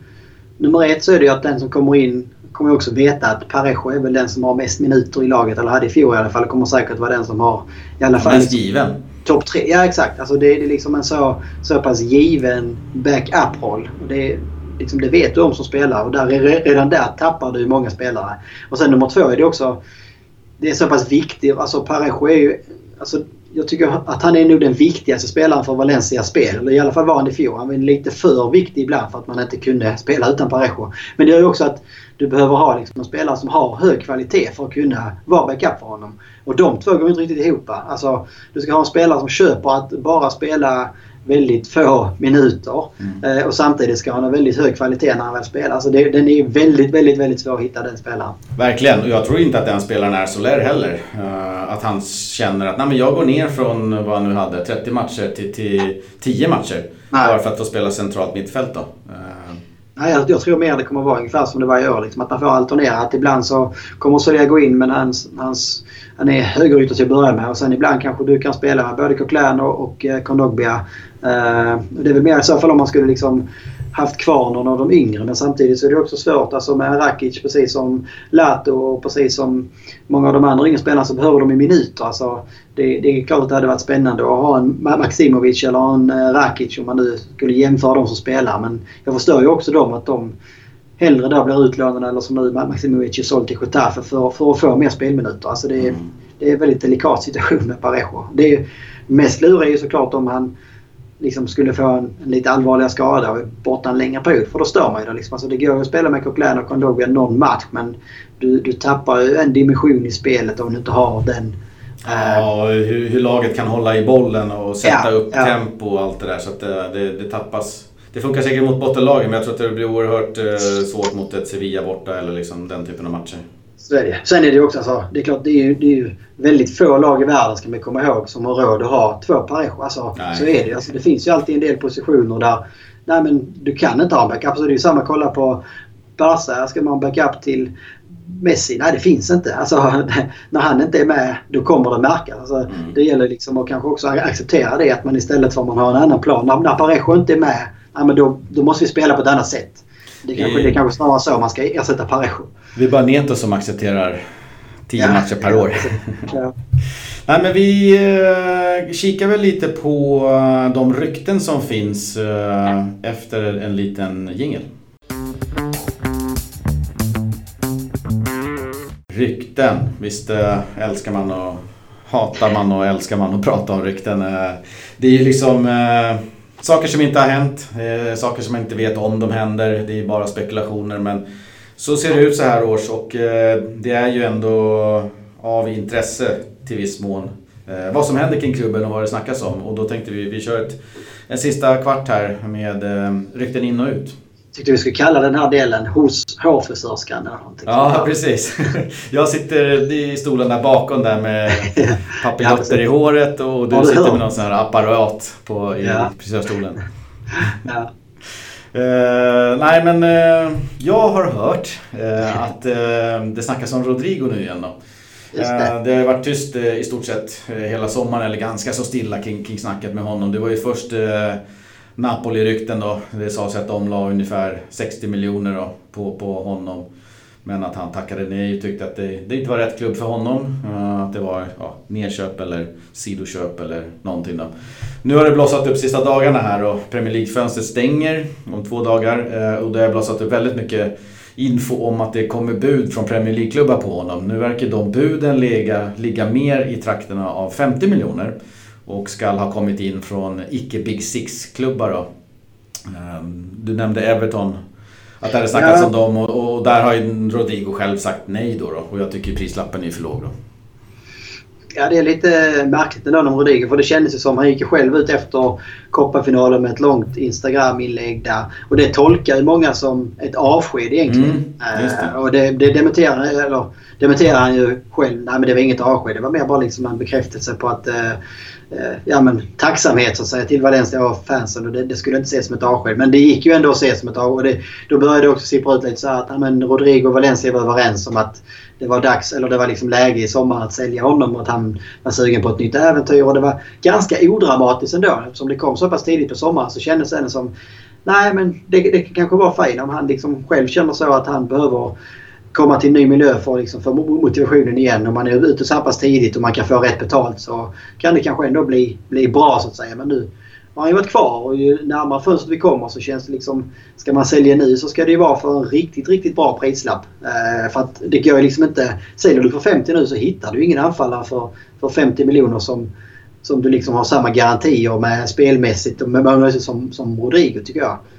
Nej, verkligen inte. Jag ser ju egentligen ingen anledning till att sälja han om det inte kommer in eh, att det är eh, prislappen som lockar. Så att, att ja, nu, nu får vi alldeles för bra betalt. Nu, nu, ja. Det här kan vi inte tacka nej till. Då nej. tycker jag att man liksom bör ta sig en funderare och säga att okej, okay, ska vi ta en annan riktlinje här då istället för Rodrigo? För han är ju en av de så kallade kaptenerna i laget. Eh, och eh, det har ju sitt värde liksom. Ska vi ta in en annan så är det en liten gamble. Det kan komma in en Batman och det kan komma lite annat. Då ska man ha bra betalt och 50 tycker inte jag är tillräckligt bra. Nej, Nej det var väl alltså det som sipprar ut under sommaren har väl varit att eh, man liksom kanske också har insett det här att skulle man sälja Rodrigo, även om man skulle få 60-70 så skulle det ändå vara man kanske inte skulle satsa på att ersätta honom utan det skulle det vara Guedes som skulle ta ett kliv ut på egentligen ersätta Rodrigo. Så skulle man mer gå för en winger så att säga. Att man där får mer för pengarna. Vilket jag också tycker låter rimligt. Jag menar för 50-60 miljoner kan du ändå få en bra yttermittfältare men en lite sämre anfallare. Mm. Eh, men det allra senaste jag läste om Rodrigo här precis nu ikväll det var väl att, att han kommer stanna i Valencia om inte eh, Peter Lim så att säga tvingar till en försäljning om man nu får säga så. Eh, mm. Men om, om det inte kommer in liksom ett riktigt högt bud som Pepe Tolin tycker är för bra för att tacka nej till så, så kommer han stanna i Valencia. Och det, jag vet inte. Det känns väl också som eh, kanske att han själv också fått lite nytändning under sommaren. Han får en ny lekkamrat och eh, han och Gamero funkar ändå bra hela våren känns som. Alltså, vi pratade om det i podden i fjol också där att under hösten så kände man ju inte igen Rodrigo. Alltså hans, eh, eh ja, men hans uttryck på något sätt på planen. Alltså, ja, liksom, kroppsspråket. Exakt, exakt. Han spelar bara för sig själv och han liksom firar inte målen. Och han såg inte alls att trivas på något sätt. Men allt det mm. tyckte jag blev bättre under, under våren. Och han och Gamero tyckte jag liksom hittade ett väldigt, väldigt fint samspel. Både fotbollsmässigt men också, och så kunde man ju se att det fanns en, en helt annan glädje mellan de två på något sätt. Och det verkar som Rodrigo är den typen av person på något sätt som behöver trivas för att han liksom ska maximera sina prestationer också. Ja, jag, jag hoppas att han stannar. Eh, vi pratade om det innan vi började spela in här också. Att, eh, visst är det väl så att det finns en, en insats från Peter Lim då, ett delägarskap då i Rodrigo-köpet när man tog in honom när Peter Lim var ny och via Mendes då tillskansade sig rättigheterna för Rodrigo. Och det kan ju finnas då en, en vinstpeng att casha in då om man lyckas eh, skicka iväg honom för mer än det dubbla än vad han kostade. Så att, vi ja. hoppas att eh, Peter Lims eh, personliga intressen i pengar inte ställer till det här för att han verkar ju ha gott om dem så att han behöver nog inte de här. Nej, det känns lite så. Det känns som... Han, Peter Lim borde väl också tänka lite grann på alltså totala projektet Valencia. Så eftersom det är så här sent på sommaren också. Det är det, det, är det jag inte gillar när man tappar så här viktiga spelare sent på sommaren. Det är att då, är ingen, alltså då, då blir det bara att du tvingas göra någon sån här panikvärvning i sista stunden. Då blir det en ny Batman eller något sånt här. Mm. Liksom. Du tvingas du in en anfallare eh, de sista dagarna. Då får du dels betala ett jävla överpris och dels så får du det som är över också. Eh, mm. Det är man inte så intresserad av. Nej, och där har det då, eh, om vi ska ta den andra slängen av sleven om Rodrigo då går, så har det varit väldigt intensiva snack om att eh, Valencia och Marcelino då är intresserade av den här Angel Correa i Atletico. Just det. Och jag kollade lite på honom. Han gjorde tre mål förra säsongen på 20 starter och 16 inhopp. Varav två var mot Valencia. Och han har ju dessutom gjort mål mot Valencia de tre senaste gångerna lagen har mötts. Så man får ju liksom inte stirra sig blind av att han kanske är bra i matcherna mot just Valencia och liksom han gör alltid mål mot oss. Han ska vi ha. Speciellt eftersom han då har gjort 11 mål på ungefär 50 starter i Atletico totalt. Och det är lite för tunt tycker jag för att man ska betala ja. dem 50 miljoner euro ja, ja. Som, eh, Atletico kräver. Och de är ju fantastiska på att ta överpriser. Kolla bara på Gamero som jag tycker, liksom, jag gillar Gamero. Han, han gör sitt dagsverk i, i Valencia och så. Men vi betalar för mycket för en gammal ja. Gamero. Ja, men det är det man, alltså, man, man hoppas att det liksom är slut på att, att Atletico Simeone ska få blåsa Valencia på spelare. Liksom. Alltså, vi har haft Vieto och Gamero. Eh, vi har haft vad heter han, ytterbacken som kom och var totalt eh, brinnusel också. Eh, liksom det, Korea, alltså ska, du, ska du värdera Korea och Rodrigo på samma nivå då får du kolla liksom, vad har de presterat de senaste säsongerna. Och där är det väl uppenbart liksom, att Korea kanske har potential att kunna bli en bra spelare men han, han om han ska kosta 50 nu så ska ju Rodrigo minst gå för 80. Ja, exakt. Eh, nej, jag hoppas verkligen inte att det blir så att eh, Rodrigo ut och Korea in. Nej, om man tänker att liksom Rodrigo, om man ser över de två senaste åren så har ni ett, ett, ett år med, med okej målskyttar och 15 stycken eller någonting och så förra året med lite färre. Ja. Han har ju ändå gjort 24 mål på 60 starter. Om man då jämför med Koreas 11 mål på 50 starter. Så, så, det är ju ännu färre mål vi får från en Korea då i sådana fall om man kollar på historiken i statistiken då. Än vad, ja. Rodrigo har bidragit med. Så att nej, inga 50 miljoner känns ju omöjligt för den spelaren. Och, och byter vi Rodrigo mot Korea så tycker jag att det känns som ett nerköp. Då är det ju bara att skicka... Så det har vi inte råd med. Men då får du skicka Vallejo och ta in ytterligare en kanon där. Ja, ja, nej, ja precis. Eller så får du slänga upp... Eh, ja, nej, jag vet inte. Släng ja. upp Guedes i så fall. Och, nej, jag, jag tycker inte Korea överlag... Släpp honom. Han har ja. gjort tre mål mot, mot Valencia, ja. men släpp det nu tycker jag. Ja. Nej, men jag tycker alltså jag ser allra helst att man bara behåller det, det man har nu. Jag tycker inte vi behöver göra någonting anfallsmässigt. Utan behåll det, det, det vi har. Och de, framförallt Rodrigo Gamero och Maxi Gomez tror jag tillsammans kan göra det riktigt bra. Alltså det, det, det är tre ändå bra anfallare alla tre. Eh, som har målgaranti egentligen alla tre. Om de har en bra säsong och då har du tre stycken så kan du också liksom alternera runt. Det är alltid någon som liksom är het och inne i zonen och, och sådär. Och Gamero har ju sett väldigt, väldigt eh, fräsch och pigg ut på, på försäsongen. Så att, jag tror inte heller vi ska räkna bort han helt. Det var liksom första året i Valencia i fjol. Han har själv liksom sagt att det var väldigt jobbigt i det första halvåret i Valencia för att han liksom kom som ny till klubben men blev utbuad av sina egna fans och sådär. Ja, han sa det nu i veckan ja.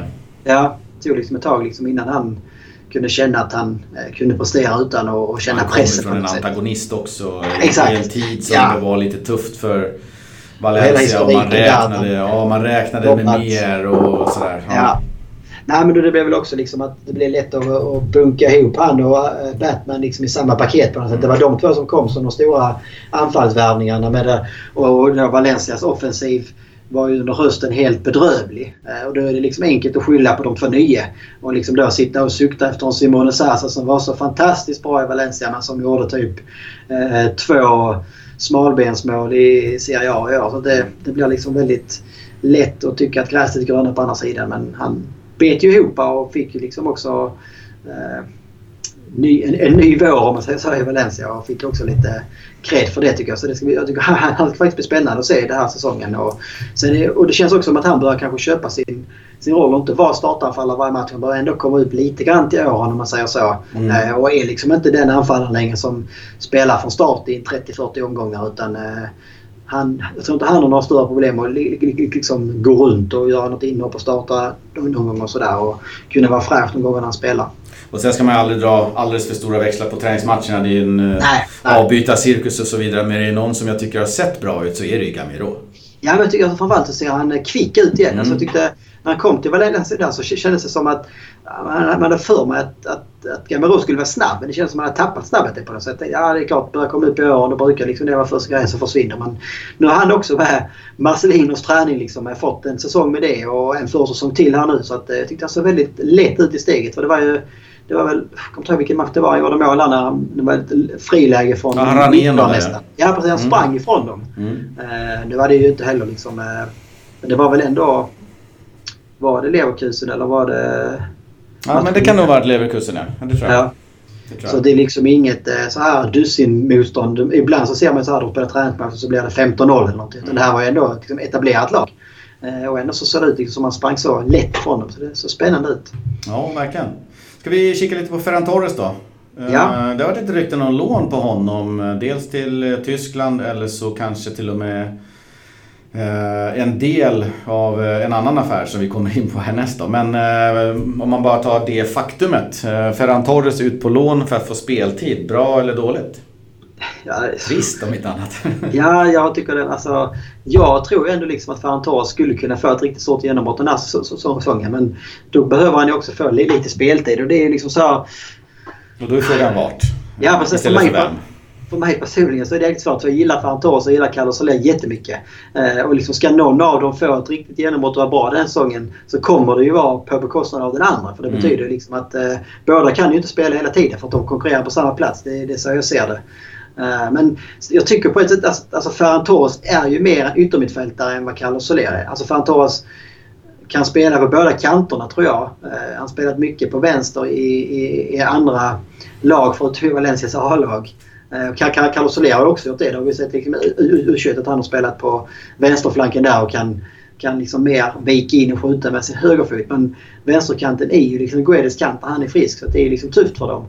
Och jag tycker om man kollar på förra året där så, så var det ju, eh, vi pratade i podden, eller jag pratade i podden, uh, refererade till vad Marcelino hade sagt om Soler och det var att det här är Soler 2.0. Jag har aldrig sett han så här bra. Han har jobbat defensivt, han har jobbat fysik, han har jobbat allting. Det kommer vara en stålman på planen. Och när Carlos Soler klev in i höst så var ju han precis som hela laget jäkligt medioker. Ja. Men fick ju alla starter och det var han som var på högerkanten och så vidare. Och då ropade folk på Ferran Torres och, och om inte jag minns helt eh, galet här så, så, var han ju likblek eh, flera gånger när han fick en chans eller fick två. Eh, för att sen liksom hamna på bänken igen och sen kom han in och så briljerade han i, en eller två matcher och så hamnade han på bänken igen. Men han tog ju inte riktigt chansen i, i höstas när laget var dåligt och Soler var dålig. Och eh, Ferran skulle då kunna ha kommit in och gjort det på ett bättre sätt. Eh, tycker jag. Så att i år, om han ska stanna, så hoppas jag att han, han ger Soler en riktig jävla ride for his money så att säga. Att det blir axel mot axel krig om den där platsen. För den har ju ja, varit vik till Soler hittills. Ja, nej men jag håller med. Alltså det är väl också... Man ska väl också vara för, alltså, men den hösten vi hade i fjol. Det är också svårt liksom, för en ung som kommer in och gör sin första. Det är samma som vi pratade om Kang Lee. Mm. Det gäller ju också med tajmingen. Alltså släpp in släpp fram de här yngre spelarna när det är liksom positiva vindar i laget. För då får de det så mycket enklare. Kommer de in när det är negativa vindar i laget så det är inte de som ska vända på det på något sätt. Det måste vara etablerade spelare som gör det. Men jag håller med. Alltså det optimala är ju att Ferran Torres och Carlos Soler i år triggar varandra liksom till att få ut 110% av båda spelarna. Att så liksom... Santimina, Gamero och Rodrigo gör på topp. När de Exakt. tre i våras, då så här, vilka tre ska spela? Jag vet inte. Ta två av dem bara. De, de är typ jämnbördiga just nu och det är där känner jag inte att Ferran och Carlos Soler var förra året. Men jag hoppas att det blir det i år. Då. Ja, nej, men det, det är det jag tror alltså generellt, det är det, som liksom är Valencias största möjlighet, eller man ska säga, det är att man får till den här konkurrenssituationen. För att man, man kommer, det kommer ta många år innan man liksom värvningsmässigt, pengamässigt kan mäta sig med topp 3 i La Liga. Så även att Letico har vi en bra nivå upp när vi liksom är ikapp i deras omsättning och deras summor alla spelar för. Så det enda sättet för Valencia att närma sig det är ju liksom att man kramar ur extra procent av varje spelare. Det är ju det som Simeone har gjort skitbra. Mm. Att Letico liksom gjort att de är där de är idag. Eh, och, det är det som, och ett sätt att få till det, det är liksom att skapa bra konkurrenssituationer på alla positionerna på något sätt. Att du har mittbackar som liksom du har du har liksom kanske tre mittbackar som är hyfsat jämna och där man liksom varje träning behöver du liksom maxa för att det ska vara du som startar på lördag. Alltså, ju fler positioner du har det så desto bättre blir hela laget som, mm. som helhet. Ja, jag hoppas uh, att det blir de två på kanten. Ja, då frågar man sig var Kangili ska platsa då, men jag vet inte. Det får bli som det blir, men det är mycket snack om eh, Ferran ut på lån då. Så får vi se eh, om det blir av eller inte. Sen har vi på mittbacksplatsen då. Vi pratar om att vi behöver ha in en mittback. Vi har ju bara Garay, Gabriel och eh, Diakabi där. Victor Laguardia, mittback från Alaves. 28 år, kan det vara något att ha? Det ska väl finnas en tanke där om att skicka in en Sobrino i mixen åt andra hållet som då skulle återvända till den klubb som han kom ifrån. Och Alaves vill ju just nu ha 10-15 miljoner för LaGuardia, vilket är lite för högt. Eh, och, och, kan tänkas sjunka då om vi slänger in Sobrino eh, och låter Alemani göra sin magic där då. Nu verkar det som att Valencia då till och med är villiga att slänga in en, en Ferran Torres i den här mixen. Eh, men det måste ju vara på lån. Jag menar Ferran Torres om, värderas ju till minst det dubbla eller det trippla. Eh, 10-15 miljoner där. Eh, ja. Så, att, så att i sådana fall, om det finns någon substans i det då, så tror jag att det är på lån till Alaves. Manu Vallejo ska också vara aktuell att slänga in som en delbetalning. Då. Så får vi se om Victor Laguardia är rätt mittback för oss. Ja, det känns... Alltså, rent spontant så känns det som att man kunde nästan lika gärna behållit en Roncaglia ja. på något sätt som liksom kom in och gjorde det liksom okej okay och funkar bra med Garay och liksom var, också köpte sin roll. Han hade det. något misstag så här, men generellt var min uppfattning att oj, var han så här bra den här killen liksom. Ja, han kliver ja. ju in och kan, kan vara okej okay eller bra här. Det var ingen så här stjärna liksom som man tycker Garay är. Som en, oj, det här var en duglig mittback, billigt på lån, fantastiskt. Men så bara ja. försvann han helt.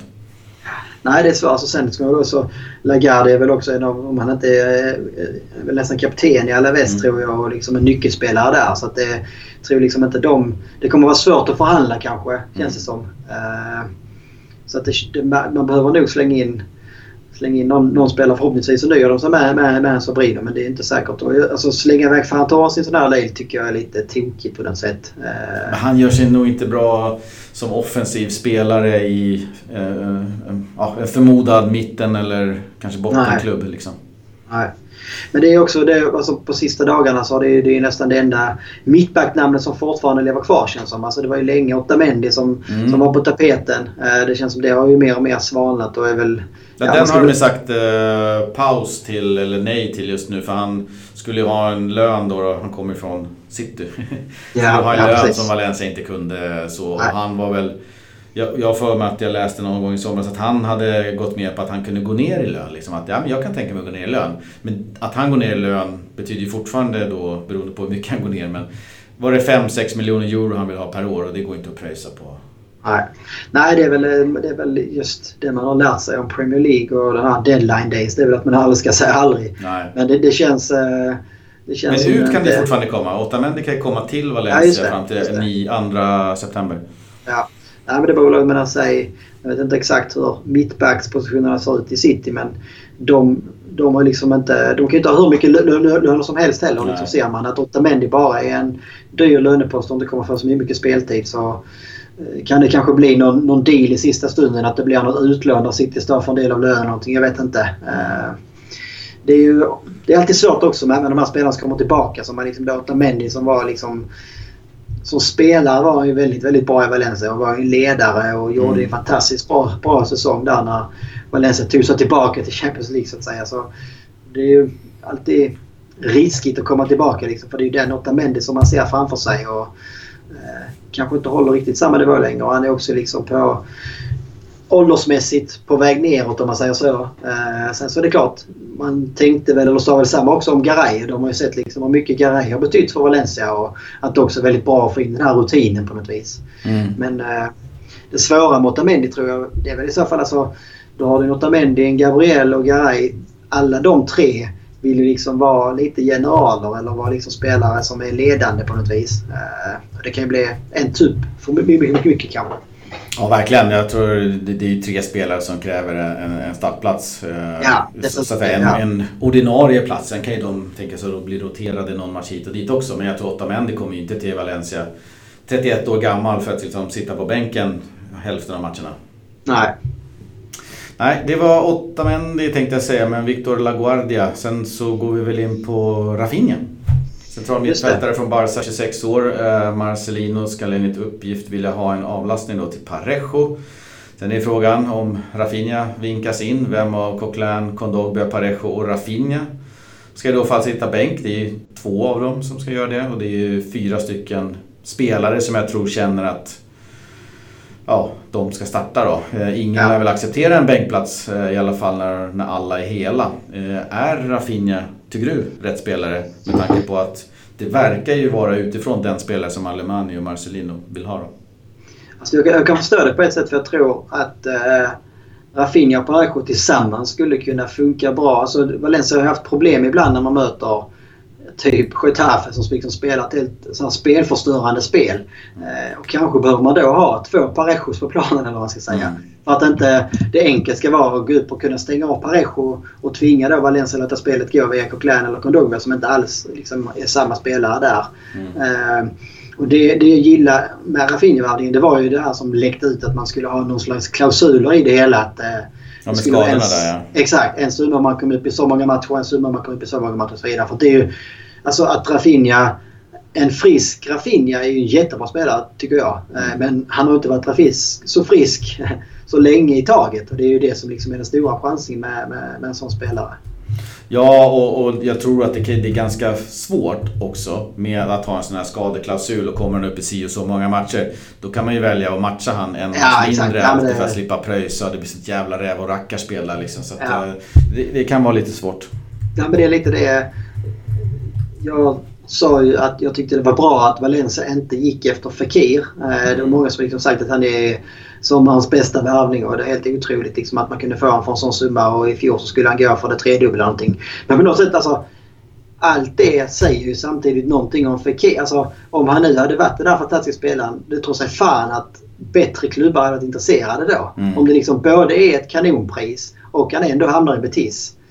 På något sätt så måste man ändå försöka ha två tankar i huvudet då. Att det finns någonting här. Antingen är det skadehistorik, alltså skadebekymmer som finns.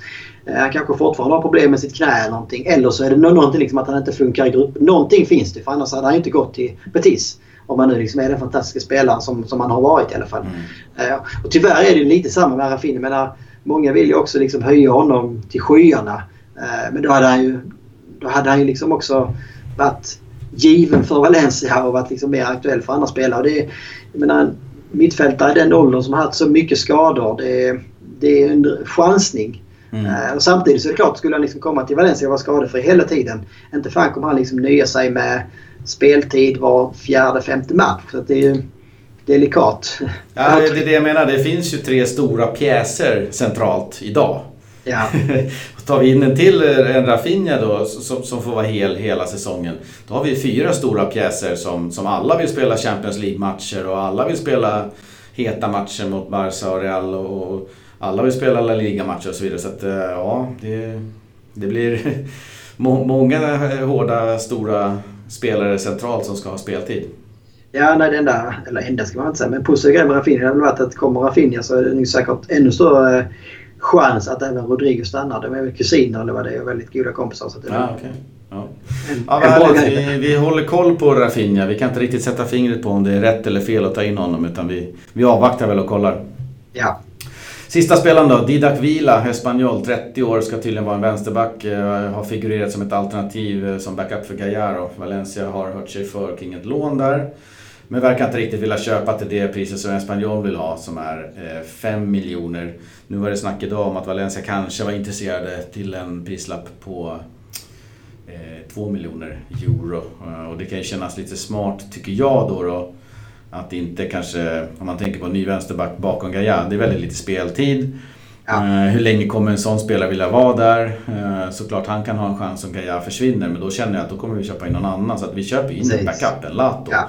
Ja. Då kan det vara väldigt genomtänkt Eh, att man tar in en sån spelare på ett lån till exempel. Att vi, vi tar in den här spelaren på lån så får vi se om Lato utvecklas i PSV och om Alex Centeyes utvecklas i Portugal. Då tar man ju hem någon av de kontrakterade spelarna. Tar man in den här liren så, så på köp och, och, tre säsonger eller fyra säsonger eller vad det är. Så, så har vi ytterligare en, en, en 30-årig vänsterback som sen kanske kan bli lite jobbig att hitta på någonting Ja, nej, men det är så. Det, det, det är alltså perfekt att kunna hitta den här spelaren som är li, li, li, lite äldre som kanske då ser det som en möjlighet att få vara med liksom i en toppklubb och vara med i Europaspel och sådär. Eh, och som inte på samma sätt heller kanske känner att kroppen håller för att spela varje omgång eller vad man ska säga. Ja, och, och vi snackar ju jämt och, och senaste 10-15 åren om hur bra Valencia har varit på att ta fram vänsterbackar ja. konstant. Och inte minst nu på slutet med Gayalat och Centeyes. Känns lite såhär, ska vi, ska vi värva en mittback? Eller ja, vänsterback då? Ja, hade vi inte det? ja, nej, alltså jag, hade hell- jag, jag fattar att uh, Lato vill gå. Jag fattar att man släpper honom på lån. Mm. Men jag hade hellre lyft upp då Centeyes eller uh, någon av de andra yngre mm. vänsterbackarna från liksom, uh, Cantarano på sig. Det, det också är ju så uppenbart att Gaia är liksom giv. Alltså, och han klarar ju att spela många matcher. Liksom. Eh, du behöver inte ha en, en färdig backup då, utan då, då, då, då, skulle du kunna chansa med yngre spelare och liksom låta dem växa på något sätt. Så det jag tror att de ser att uh, när Gaia spelar så är han liksom... Uh, det, det, han håller en oerhört hög nivå. Det är en spansk liksom, landslagsman på gränsen ja. till att starta då, beroende på Luis Enrique är kompis med Alba eller inte. Men eh, så att han, är, han är jättebra. Jag tror att man känner att om man tar in en Alex Centeyes där som inte har erfarenhet av La Liga och inte har erfarenhet av liksom spel på den här nivån. Att skulle Gaia gå sönder och Alex Centeyes är den man har att tillgå till exempel om man har ett par tuffa matcher mot topplag så, så, så känner man att kvalitetssänkningen är, det är för stort glapp mellan Gaia och, och Centeyes. Dels kanske kvalitets men också erfarenhetsmässigt. Och tar man in den här Didac Vila då i Espanyol 30 bast så har ju han varit med på den här nivån och, och, och glappet, tappet finns där men det kanske är något mindre om grejer. Ja, nej, men så är det väl klart. Tror jag. Sen så utvecklas ju en Centeyes av att spela såklart. Ja, ja precis. Nej, men det är det som är andra sidan. Du behöver ge dem liksom chansen och ge dem liksom en halvtimme mot något sämre lag och ge dem liksom någon kopparmatch och sådär. Så kanske de också växer. Men eh, man kanske ser att ingen av, av de här spelarna bakom som är helt redo för det och då kanske det också är smart att och låna ut dem istället. Mm. Det var det Heli. Det var de spelarna jag hade skrivit ner i körschemat här, eller vi hade skrivit ner i körschemat. Och eh, nu har vi blåst igenom både cupguld och eh, Alemanni-sopper och spelar in och ut och lite rykten. Så att, eh, jag hoppas att ni har tyckt att det var precis lika kul som vi har tyckt att det var. Eh, vi sa det, det, det är liksom kalva på grönbete liksom. Ja, lite så. Nej, det känns skönt. Nu är vi igång Vi var ju lite så här, eller i alla fall jag var lite så här halvorolig för hur ringrostigt det, det, det liksom skulle vara när man nu... Det är ändå två månader är det väl i alla fall. Ja, ja. Det. Eh, sen, vi, sen vi spelade in sist. Så att, eh, ja, men det är skitskoj att vara igång igen. Och ser vi fram emot en spännande säsong där det säkerligen som alltid när det gäller Valencia kommer att vara upp och ner. Det är, liksom, det är aldrig bara eh, en molnfri himmel och en spegelblankt hav. Utan det är alltid lite vågor längs vägen. Det är väl också ja, det som exakt. Och alltid när det ser som mörkast ut som det gjorde i julas och vintras så vet man att eh, det kan komma väldigt, väldigt fint väder framåt eh, maj och våren och när man firar det fina vädret så slutar Peter Lim och Alemanni och prata med varandra och så kommer molnen igen. Ja. man ska aldrig det... tro på det vädret man har.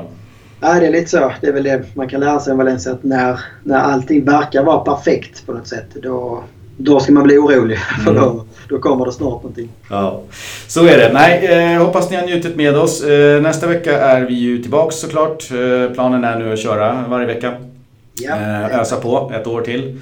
Och eh, vi kommer säkert få anledning att ta hjälp av eh, våra andra kollegor som finns. Jocke och Erik och Oskar och vilka som nu har varit med här då. Ja. Samt så hoppas vi ju kanske på att få med Hans Christian då. En, en ja. sväng antingen en bit in på säsongen eller när Champions League drar igång. Så vi får kolla med hans schema. Det var oerhört uppskattat från både oss och eh, lyssnarna när, när han var med. Eh, och nästa vecka så är det ju uppsnack inför säsongen. Då har vi fått reda på lite mer kring truppen, vilka som kommer och går och sen så har vi en match att eh, snacka upp mot Real Sociedad. Just det, det blir en intressant match direkt där med Alexander Isak och Ödegaard och ett eh, Real Sociedad som ändå ser ganska spännande ut men ett ganska ungt Real Sociedad. Och vi vet ju för Valencias del att det, det är ganska skönt om man kan få en bra start. Det såg vi ju, om vi liksom kollar på de två senaste säsongerna så fick vi en dålig start i fjol och då är det lätt liksom att det hänger med ett tag om man säger så. Men mm. det var tvärtom, tvärtom där för, för två år sedan när vi fick en fantastisk fantastisk start på hösten och sen liksom bara surfa vidare på det. Så att, eh, mm. nej, vi hoppas på lugn start här med så att eh, skeppet kan liksom segla någorlunda vidare. Absolut. Det vi kan säga också att nu på lördag då, eh, 21.30 då är det Trofeo de la Naranja. Eh, årets sista match. Som spelas på Mestalla, årets sista träningsmatch ska vi säga. Eller ja, det ses väl som en tävlingsmatch och det är en trofé som delas ut och så vidare. Men Eh, sista uppvärmningsmatchen, eller vad ska vi kalla det? Ja, ja, genrepet. Genrepet, bra ord. Ja. Eh, sista genrepet mot Inter blir spännande. De verkar ju ha gjort klart med Lukaku här nu precis eh, när vi pratar. Eh, och eh, sen så är det Real Sociedad hemma lördagen efter det. Bra chans att ta tre poäng. Sen så har du Celta Vigo borta. Lördagen efter det. Eh, bra chans, återigen ta tre poäng. Och sen så har du Mallorca hemma. Eh, kan vi få sju eller nio poäng där så kanske vi går eh, in eh, med vind i seglarna mot den fjärde omgången som är Barcelona borta. Serieledaren när vi åker till Docamp. Ja, men jag tänker samtidigt på det motsatta. Den här dåliga starten ja. förra året och, och glida in i den matchen med, med två eller tre pinnar. Nej, eh, på tre matcher och sen liksom en riktigt svår match Barca borta, det känns inget kul. Så att, eh, det ser kul ut. Kan vi ha sju eller nio pinnar där, vilket jag bör och tycker och tror att vi ska kunna ha, så, så kan vi få en härlig start på säsongen. Ja, jag kommer tänka på det när vi sa att de möter Inter i genrepet. Det var ju intressant. Eh, just kopplingen Valencia-Inter. Cancelo lämnade ju Valencia där för två år sedan. Gick till Inter, mm. sen hamnade han i Juventus och nu ikväll blir han klar för City. Det är ändå ganska intressant hur snabbt det kan gå på något sätt. Alltså, Jao Cancelo var ju alltså, bra, helt okej okay, i alla fall i Valencia. Framförallt offensivt. Han kunde inte försvara när han var i Valencia. Det var det som hans stora bekymmer. Mm. Så han gjorde ju ofta det bättre som ytter. I ett Valencia eh, lite i kris ska jag väl säga. Så. Precis, exakt. Han, det ska man väl ge honom. Mm. Eh, och nu liksom då representerar han Juventus i fjol och ska representera City kommande säsonger. Så och hela Juventus kände sig oj då, wow. Ja, ja precis. Wow! Det är väl, eh, för, för, hans del så känns det perfekt att gå till Italien för det är några som kan liksom lära sig lära honom defensiven så är det mm. väl italienska tränare kanske. Så det är ändå spännande att följa. Ja, jättekul. Vi får hoppas att uh, Valencia har någon vidareförsäljningsklausul där. För det var väl en, ja. 40 plus miljoner han gick för. Så att, uh... Ja, det var ju där med Kondogbia-affären som han var en del av också där på mm. något sätt. Cancelo Kondogbia. Ja, och hela Cancelo Kondogbia och den kontakten är ju anledningen till att man möter Inter i de här trofén orange. Man bakar nästan alltid in den typen av klausuler. Ja. Uh, Däremot så kan jag säga det om Cancelo, jag läste någonstans också när man kollade på Serie A Stats så har han ju väldigt mycket, han är ju statistikledare på väldigt många sådana här eh, om det nu var rätt passningar eller offensiva passningar eller löpningar offensivt. Så att han har ju väldigt mycket... Han, han är statistiskt sett eh, godis för ögonen för tränarna. Ja, det känns som, eh, nu ska vi inte snöa in barn kanske, men det känns som det är lite enklare också att vara högerback i Juventus än det kommer vara i City. Alltså han kommer att ställas på betydligt mer eh, mer, får ställa mer frågor på honom i City så att säga, i mm. Premier League. Där det är lite högre tempo. Där det liksom är lite mer... Ser jag ju en sämre liga känns det som. Eh, och ett Juventus som ofta dominerar matcherna stort. Det gör väl City också men jag tror ändå att eh, hans defensiv kommer nog... Ja, det blir intressant att se hur han kommer att klara det. Vi önskar Cancelo lycka till. Ja, ja det vi, det vi tar med oss som avslutning det är väl att vi avslutade liksom förra säsongen med att äntligen slå Barca och det var väl inte sen Ringsjö brann som gjorde det sist höll jag på att säga. Exakt. Det är väl en perfekt liksom, avstamp också inför en ny säsong att eh, ingenting är omöjligt. Och det här fina tifot som man hade inför finalen med Son Jarkin och Demos Tetsu, det är väl det som vi också hoppas att denna säsongen ska leva vidare med. Ja, är det så att bollen är rund och allt det där också? Ja, det kan vara det också. Nej, härligt, det var superkul att prata med dig. Uh, hoppas ni har haft kul. Uh, så säger vi väl... Uh, vad säger Hasta luego! Hasta luego!